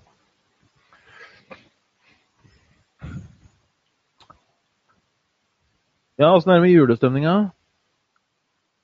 Nei, den uh... Stigende? Ja, først må, vi, først må vi få roa ned litt. Akkurat nå så løper man jo bare rundt som huggerne høner. Ja, man gjør det. Nei, det er ikke kommet inn noen spørsmål uh, foreløpig. Det uh, virka jo som at alt var helt klinkende klart. Alarm er uh, easy-peasy. Alarm er easy-peasy. Mm. Skal vi rett og slett bare ta sjansen på å rulle videre, da? Da ruller vi videre. Ja. Nei, vent da. Mange spør om det er mulig å kjøpe seg tid før forvarsel starter. Ja. Det, er, eh, det fungerer i dag med ARKS alarm. Eh, er det slik at eh, alarmen går på klokken 20.00 og du kommer på jobb klokken 19.30, da kjøper du deg tid på forhånd. Det er ikke så dyrt heller? Det er gratis faktisk å gjøre det. Og du gjør oppsettet selv i ARKS alarm hvor lang tid man skal kjøpe, og det kan være individuelt fra dag til dag også. Det er du som bygger det helt fleksibelt. I tillegg så vil du også ha den muligheten eh, på Arx Go. Eh, har du Arx Go eksempelvis på mobiltelefonen din, eh, så har man muligheten til å kjøpe tid direkte der. Man slipper altså å gå til en kortleser og gjøre det. Bra. Mm. Da um, var det heller et nytt spørsmål, så da tror jeg vi går over videre. Så får vi eventuelt bare ta det hvis det kommer. Ja, Da skal vi titte litt på Aperio. Ja. Aperio er jo en, eh, en fin, fin, serie med Ja, fantastisk produkt. Fin serie med, med kortlesere. Inn til å bygge ut, uh, ut antall dører, bli kvitt nøkkelen osv. Det som er veldig greit å tenke på med Aperio, da, at det er, det er mange som altså, Det er jo faktisk noe som vi får høre ganske mye. Men Aperio er ikke et avgangssystem. Det er rett og slett kun en trådløs kortleser. Det blir på mange måter som en helt trådløs Pando. Ja, det er jo som Aperio selv sier, 'just another reader'. Ja, rett og slett. Og den integreres i ditt eksisterende avgangssystem, da herunder ARKS. Ehm, for å konvertere de nøkkelbaserte dørene man har. Da. Og Det er jo greit å tenke på at det er jo ikke høysikkerhet vi snakker om her. Vi snakker egentlig ikke sikkerhet, sånn sett, vi snakker bekvemmelighet. Ja. Så eh, det er én ting å tenke på. En annen ting er at uh, i utgangspunktet så er de fleste Aperio-låsene, det er vel bare L100 som på en måte er unntatt dette. Og det er det at det er for lavfrekvent bruk. Det er kontordører, møterom, Små lagerrom, f.eks. en kantinedør som eh, man setter oppe når kantinen er åpen, og lukker når kantinen er eh, låst. Selvfølgelig Hvis det skulle være en mellomgangsdør til kantinen som alle skal inn og ut, så, så er ikke det løsningen. Da er det kabla som er, eh, som er tingen. Man kan jo selvfølgelig bruke Apero på den mellomdørløsningen òg, så lenge man da i en stor trafikkert tid setter den i åpen stilling. Ikke sant? Men hvis den går igjen hver eneste gang, så er den ikke, den er ikke lagd for den type trafikk. Nei, det, det, er den ikke. Men for kontordører, og møterom og alle slags mulige sånne ting, så vil den være mer enn god nok. Ja, så det som er tanken er jo at du erstatter den mekaniske nøkkelen i dag. Mm. Får opp en kortleser til forholdsvis eh, lav kostnad. Ja. Du får jo en tre-fire Aperio-enheter for prisen av én eh, kablet eh, dør. Eh, og har fått egentlig litt kontroll også på innvendige dører. Ja. Bare skyte inn. Det er kommet et spørsmål til som er sikkert oppfølgingsspørsmål på det forrige. Tilbake igjen til alarm før vi går videre med, med Aperio. Og Det er i forhold til dette med å kjøpe seg tid. Da. Det var jo et spørsmål om uh, det er mulig å kjøpe seg tid før forvarsel starter. Som du svarte på, Jan André. Det er det. Eh, men betyr det at når du vet at du skal jobbe tre timer til, kan du da gå ut og kjøpe tre timer til og bestemme tre timer selv? Nei, du kan ikke bestemme tre timer selv. Det er administrator som bestemmer hvor lang tid du får lov til å kjøpe. Ja. Den som er sikkerhetsansvarlig på bygget, bestemmer, eh, bestemmer det. Og det av åpenbare grunner, sånn i forhold til eh, for eksempelvis tre timer. Da, godt eksempel. Eh, kanskje han bare blir i to eh, istedenfor de tre timene. Da er det bedre å gå og kjøpe seg f.eks. hver time, eller eh, Jeg tror det ville forringet sikkerheten hvis den tiden blir altfor lang. Ja. Eksempelvis så jobber han bare halvannen time eller to timer, og så går han, og da står bygget, hele bygget ualarmert f.eks. i eh, en hel time. Eller i hvert fall de sonene var, var ja. ja. Yes. Nei, men da er vi tilbake igjen til Aperio igjen, da. Mm. Jeg fikk vel uh, beskrevet sånn kort litt om bruksområdene. Ja. Uh, det er ikke erstatning nødvendigvis for et kablet dørmiljø, men det er mange dører som ikke trenger kablet dørmiljø. Og i de trafikkerte, trafikkerte hovedgjennomfartsveiene og der det er snakk om høyere sikkerhet, så skal du jo bruke kablet. Men uh, alle, veldig mange andre dører så kan man bruke Aperio. Det er jo som uh, Jarle Berg sa en gang, at uh, man har konsentrert seg om 10% av dør dørmassen. Ja. Altså man bare tatt skallsikringen, og så står det 90 igjen. Mm. Og det er de 90 som vi egentlig bør prøve å få alle sammen, Ja. som er da Aperio er et glimrende valg til. Og det er jo nettopp det som gjør at et Aperio, altså Aper, antall Aperio-lesere i et kontorbygg blir jo da totalt sett mye større enn kablede dører. Ja, det har jo, eh, vi har jo bygg hvor vi har en en fem-seks skallsikringsdører, og så har vi faktisk 150 Apero-dører. Ja. Tanken her er jo å få alt på ett system. eh, Mindre administrasjon. Og det øker jo også sikkerheten. Ja. Fordi som vi alle vet, en nøkkel det bør da være en, eh, en hovednøkkel som, som, det, som man har kontroll på. Den kan muligens passe til, eh, til bygget ellers, men den skal ikke i andre hender. Så da bruker du Aperio, så får du, eh, så får du faktisk kontroll over, eh, over dørene. Jeg er sikker på det at hvis du spør Hvis man reiser ut og spør en bedrift hvor mange nøkler er på avveie i din bedrift, så er det ingen som kan svare på det. Her er et utvalg av de eh, kortleserne som er tilgjengelige i eh, Aperio-familien. Ja, vi har jo eh, langskilt, både med og uten tastatur. Mm. Vi har da L100, som er da kan kalle det sikkerhetslåsen til, til Apero. Da. Den i midten Ja, på bildet. Og den er jo faktisk beregnet for mer høyfrekvent bruk. Ja, det er den. Og eh, den er også beregnet for eh, dører med litt høyere sikkerhet, eller krav til høyere sikkerhet. Da. Den kan vel foregles eh, uten at jeg er noen spesialist på låskasser, så mener jeg det er 22 mm. Ja. Uh, Ja, det er fallutspringet er jo på 22 mm. Jeg lurer på om det er noe sånt. Ja. Så har vi jo selvfølgelig vår nye venn H100, da, dørvrideren. Uh, Der ser vi jo interessen i dag er jo veldig stor eh, etter den. Selvfølgelig pga. pris, men også pga. enkelheten. Det er jo to skruer, og så er det ferdig. Og eh, Sylinderheten er jo en del som faktisk har eh, brukt gjennom tidene, men jeg tror nok at en H100 vil bli en eh, kannibal og muligens spise av sylinderenheten. Ja, jeg tror kanskje på sikt at med tanke på brukervennlighet, så er ikke sylinderleseren, eller generelt sylinderlesere, på topp. Eh, Men det er jo noen eh, applikasjoner hvor eh, sylinderleseren vil være det eneste muligheten. Det har jo vært så langt, Hvis du har hatt små låskasser, så kunne du bruke sylinderleseren. Ja. Men i dag så har vi fått inn både dørvrider, faktisk en finsk utgave av H100, og en finsk låskasse som kan erstatte da denne små Ja, 2014-låskassa som er- 2014-2016 eller hva det heter Ja. noe, som kan puttes rett inn der. Og da kan du bruke H100 på små låskasser. Men som sagt, du må altså bytte låskassa. Det er viktig å merke seg. Ja. Det trenger man jo ikke på en sylinder. Nei, og det som er greia med den finske låskassa, da, den her, å, følger jo den, det målet som 2014 og 2016 gjør, eh, men den har også en sperrefalle. Og det er jo, det er jo greit. Hvis vi ser i dag, eh, så brukes det veldig mye av eh, kortlås eh, med hull til sylinder. Og så hvis vi tar et eksempel her, Dette er igjen da 2018-priser.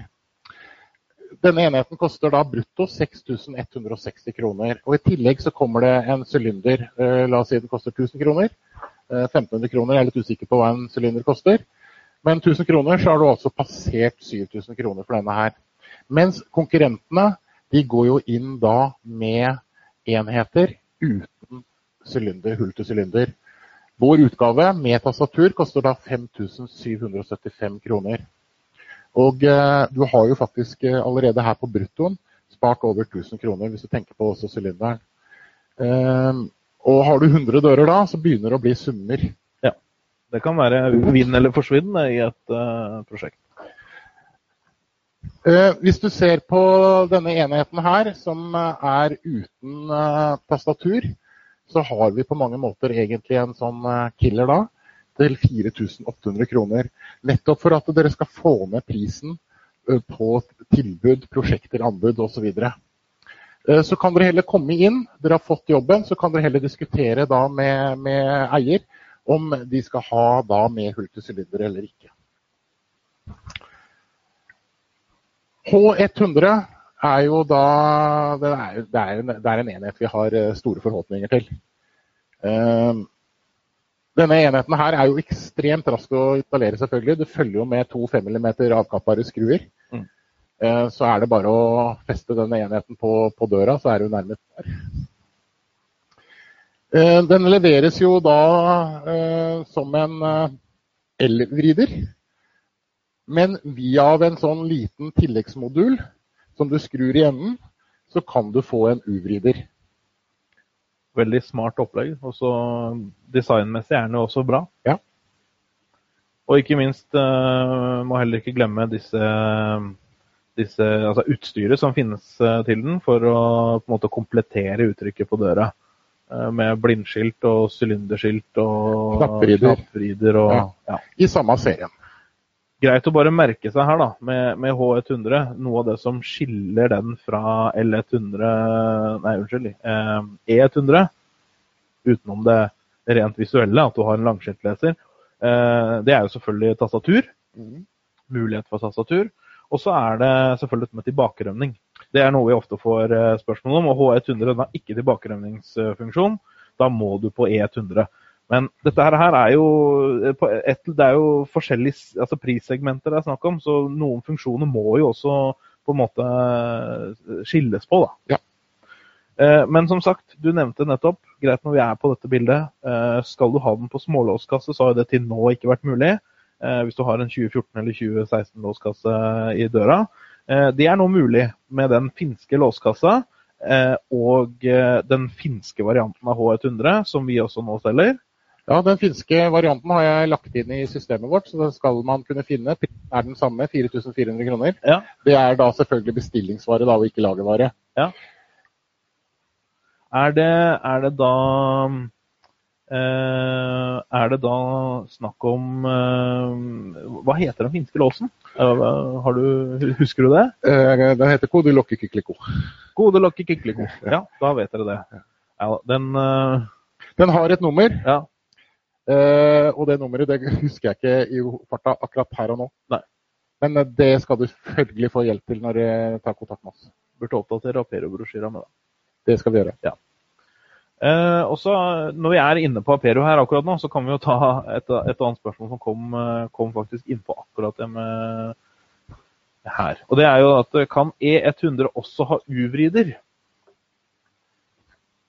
ja, det kan den. Den kan du bestille løst. Mm. Mm. Enkelt og greit. Og ved online da, mot uh, H100 og E100 og tilbakerønningskrav uten bruk av kort, kunne ARKs hub denne åpningssignal til Aperio-låsene? Uh, nå må jeg uh, få den en gang til. Ved online mot H100 og E100 og tilbakerømningskrav uten bruk av kort. Ja, altså e, nei, H100 e den har ikke tilbakerømning, så, den, så, så den kan vi glemme. Ja. E100 den har tilbakerømning. Mm. Og eh, for, å, for, å, aktivere tilbakerømningen så trenger du ikke bruke kort. Det er bare dørvrideren du trykker ned. Mm. Enkelt og greit. Ja. fordi at du skal, når du skal muligens rømme inn igjen, så har du kanskje glemt kortet. Ja, men den tiden er justerbar. Du kan egentlig sette den på 24 timer i døgnet skjema tilbakerømning hvis du vil. Ja. Eh, eller du kan sette den eh, da opp til fire minutter. Ja. Yes. Yep. Eh, H100 den er forholdsvis rimelig. Den koster 4400 kroner. Igjen da bruttopris. Som igjen da er 400 kroner rimeligere enn en sylinder. Og da langskilt uten hull til, uten hull til sylinder. Og det gjør vel egentlig faktisk K100 til den rimeligste Aperio-leseren? Per dags dato så er det den rimeligste, ja. ja. Det er det, og jeg tror også det vil bli den mest populære. Denne enheten har jo vært snurra litt rundt i, i, markedet nå, og den har allerede faktisk vunnet én uh, pris. Jeg lurer på om den ikke faktisk har vunnet to priser så langt. Uh, men den har uh, i 2018 blitt dømt til Intersex Access Control Product of the Year. Det er ikke verst, det. Men jeg lurer på om den en, Var det ikke en designutmerkelse han fikk? da? Jo, jeg lurer på om det var det. Ja, Den andre den andre prisen. Mm. Ja. Skal vi se. Da har vi kommet over på L100. L100 er på mange måter en lås som har blitt litt glemt. Det er kanskje ikke så rart heller, fordi eh, i de tilfellene hvor L100 konkurrerer, så er det jo gjerne mot eh, kablede dører, skallsikring, litt høyere sikkerhet osv. Hvor man kanskje foretrekker, eh, foretrekker dører med, med kabling. Da. Men det er jo mange argumenter egentlig også for å bruke L100 på, på diverse dører. For han er jo fortsatt en god del rimeligere enn å kjøre en kablet dør. Ja, altså Hvis man ser på prisen, så kan man kanskje si at oi, det var dyrt. Men du må tenke på at du får faktisk med deg en elektrisk lås også. Ja. Det er ikke bare Aper-enheten. Nei, du får jo faktisk med deg en Det er jo en Abloy 580 eh, low energy-kasse, da. Altså solenoidlås. Ja. Du får med deg. Uh, samtidig som du får, på, du får jo kortleser, uh, du får kortleser og elektrisk lås uh, med i, i, en pris. Og Det er jo rimeligere enn det du ville gjort hvis du kjøper stykkevis og delt. Det er det. Og Hvis man ser på låsen til, til høyre, så ser man det at den står på en ja, liten brakett. Og i de tilfellene hvor man ikke har lyst til å feste selve kortleseren i døra, altså med, med skruefester i døren, så kan man sette på denne braketten Eh, og bruker da gjennomgangen til sylinderen for å feste denne braketten. Og da har man ikke noe skruefesting i døren i det hele tatt.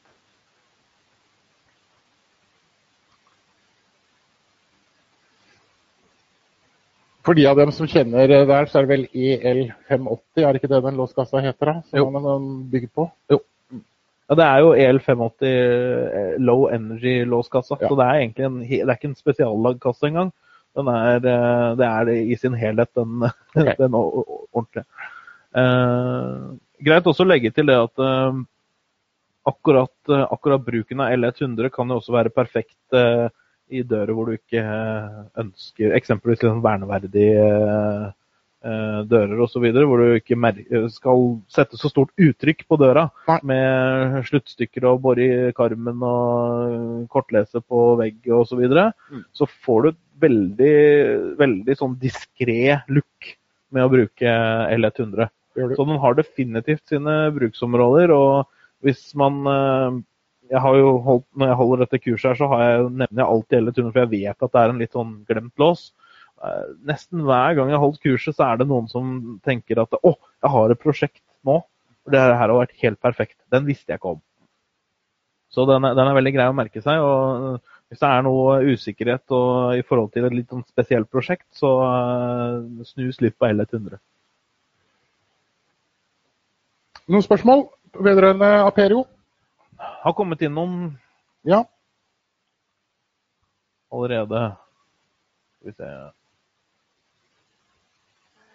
kan Hub aktivere et åpningssignal ved brann til f.eks. HS100? Nei. Nei. Klar tale der fra Jan André.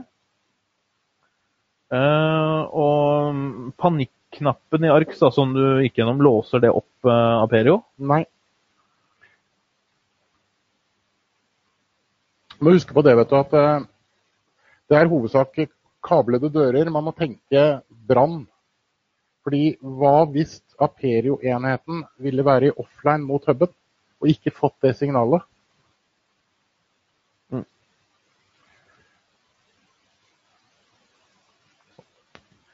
H100, hvilke langskilt i 86-serien kan brukes med denne? Eh, bare sånn for å skyte inn eh, Hvis du skal bruke noe langskilt på, på denne, så eh, så må det være en som har eh, Er det 46 millimeters eh, hull eh, Eller 42 er det vel kanskje. utsparet. Altså dekkskiltene ofte. Eh, de som er Ikke nødvendigvis dekkskiltet heller, da, men, eh, men du, du, må ha SIS-utmålinga. Fordi den bruker Det er ikke som våre andre døvridere i, i, i business line eller trioving line som du på ja, Det blir på en måte et dekkskilt og ikke, ikke, ikke et, ikke et uh, vrideskilt ja. i lange ut, utførelser. Ja, for du kan ikke bytte skiltet her. Der Nei. sitter mekanismen. Ja. Så det, det går ikke. Men, men, du kan jo selvfølgelig sette den over et, eh, som du sa Jan André, et eh, dekkskilt. Ja, vi har, eh, vi har funnet dekkskilt i, i produktsortimentet vårt som passer fint til uh, Aperio. Mm. Um, jeg lurer på om det ikke var Tor Henden som var på her i stad. Han har vel montert en slik utgave på, på sin kontordør, tror jeg. Eller møteromsdør. Mm. Med dekkskilt. og Det tok bilde av det og sendte til meg. Det så faktisk veldig bra ut. Han sier ja. Han sier ja. ja. Tor Henden er våken som alltid. Ja, det må man si. Ikke så rart når det nærmer seg jul nå. Skal vi se. Litt flere spørsmål her, da. Uh, en som sier, sier at det om det er raskere nedgradering til offline. Ikke helt hva eh, Jeg tror jeg skjønner spørsmålet. Ja. Per dags dato så er det jo slik at man må gjøre om via PAP-programvaren til, eh, til offline-versjon. Hvis man i tillegg skal kjøre MyFair Classic, så må man også skifte firmware. Og eh, dette tar noen minutter å gjøre per enhet. Kjører du MyFair Desfire, så er det bare den uh, knotten når man går inn, altså man må jo konfigurere enheten uansett. altså Man legger inn dato, klokkeslett osv. Da trykker man bare på en knapp hvor det står offline. Og så er den på 1, 2, 3, så er den offline. Den bare restarter i mellomtiden. Eh, men det er som sagt det som er tidkrevende, eh, to, tre, fire minutter, er eh, å skifte da til MyFair Classic firmware. Per dags dato så har ikke vi noen løsning på det, at den kan komme ferdig fra fabrikk. Men vi har lagt inn ønske om det, og jeg vet at det jobbes i kulissene på Aperio med å ja, Jeg får håpe at vi får det til, at vi kan bestille offline på eget artikkelnummer, sånn som vi gjorde tidligere. Men jeg kan ikke love noe per dags dato. Nei. Spørsmål til.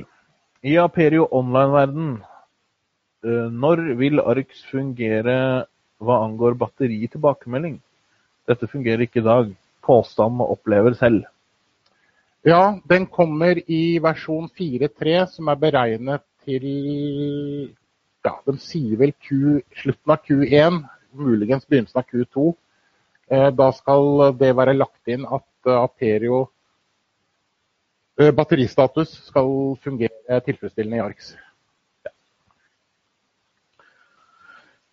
Men uh, uansett, da så vil vi i hvert fall eh, ønske alle sammen en eh, riktig god jul og et godt nyttår.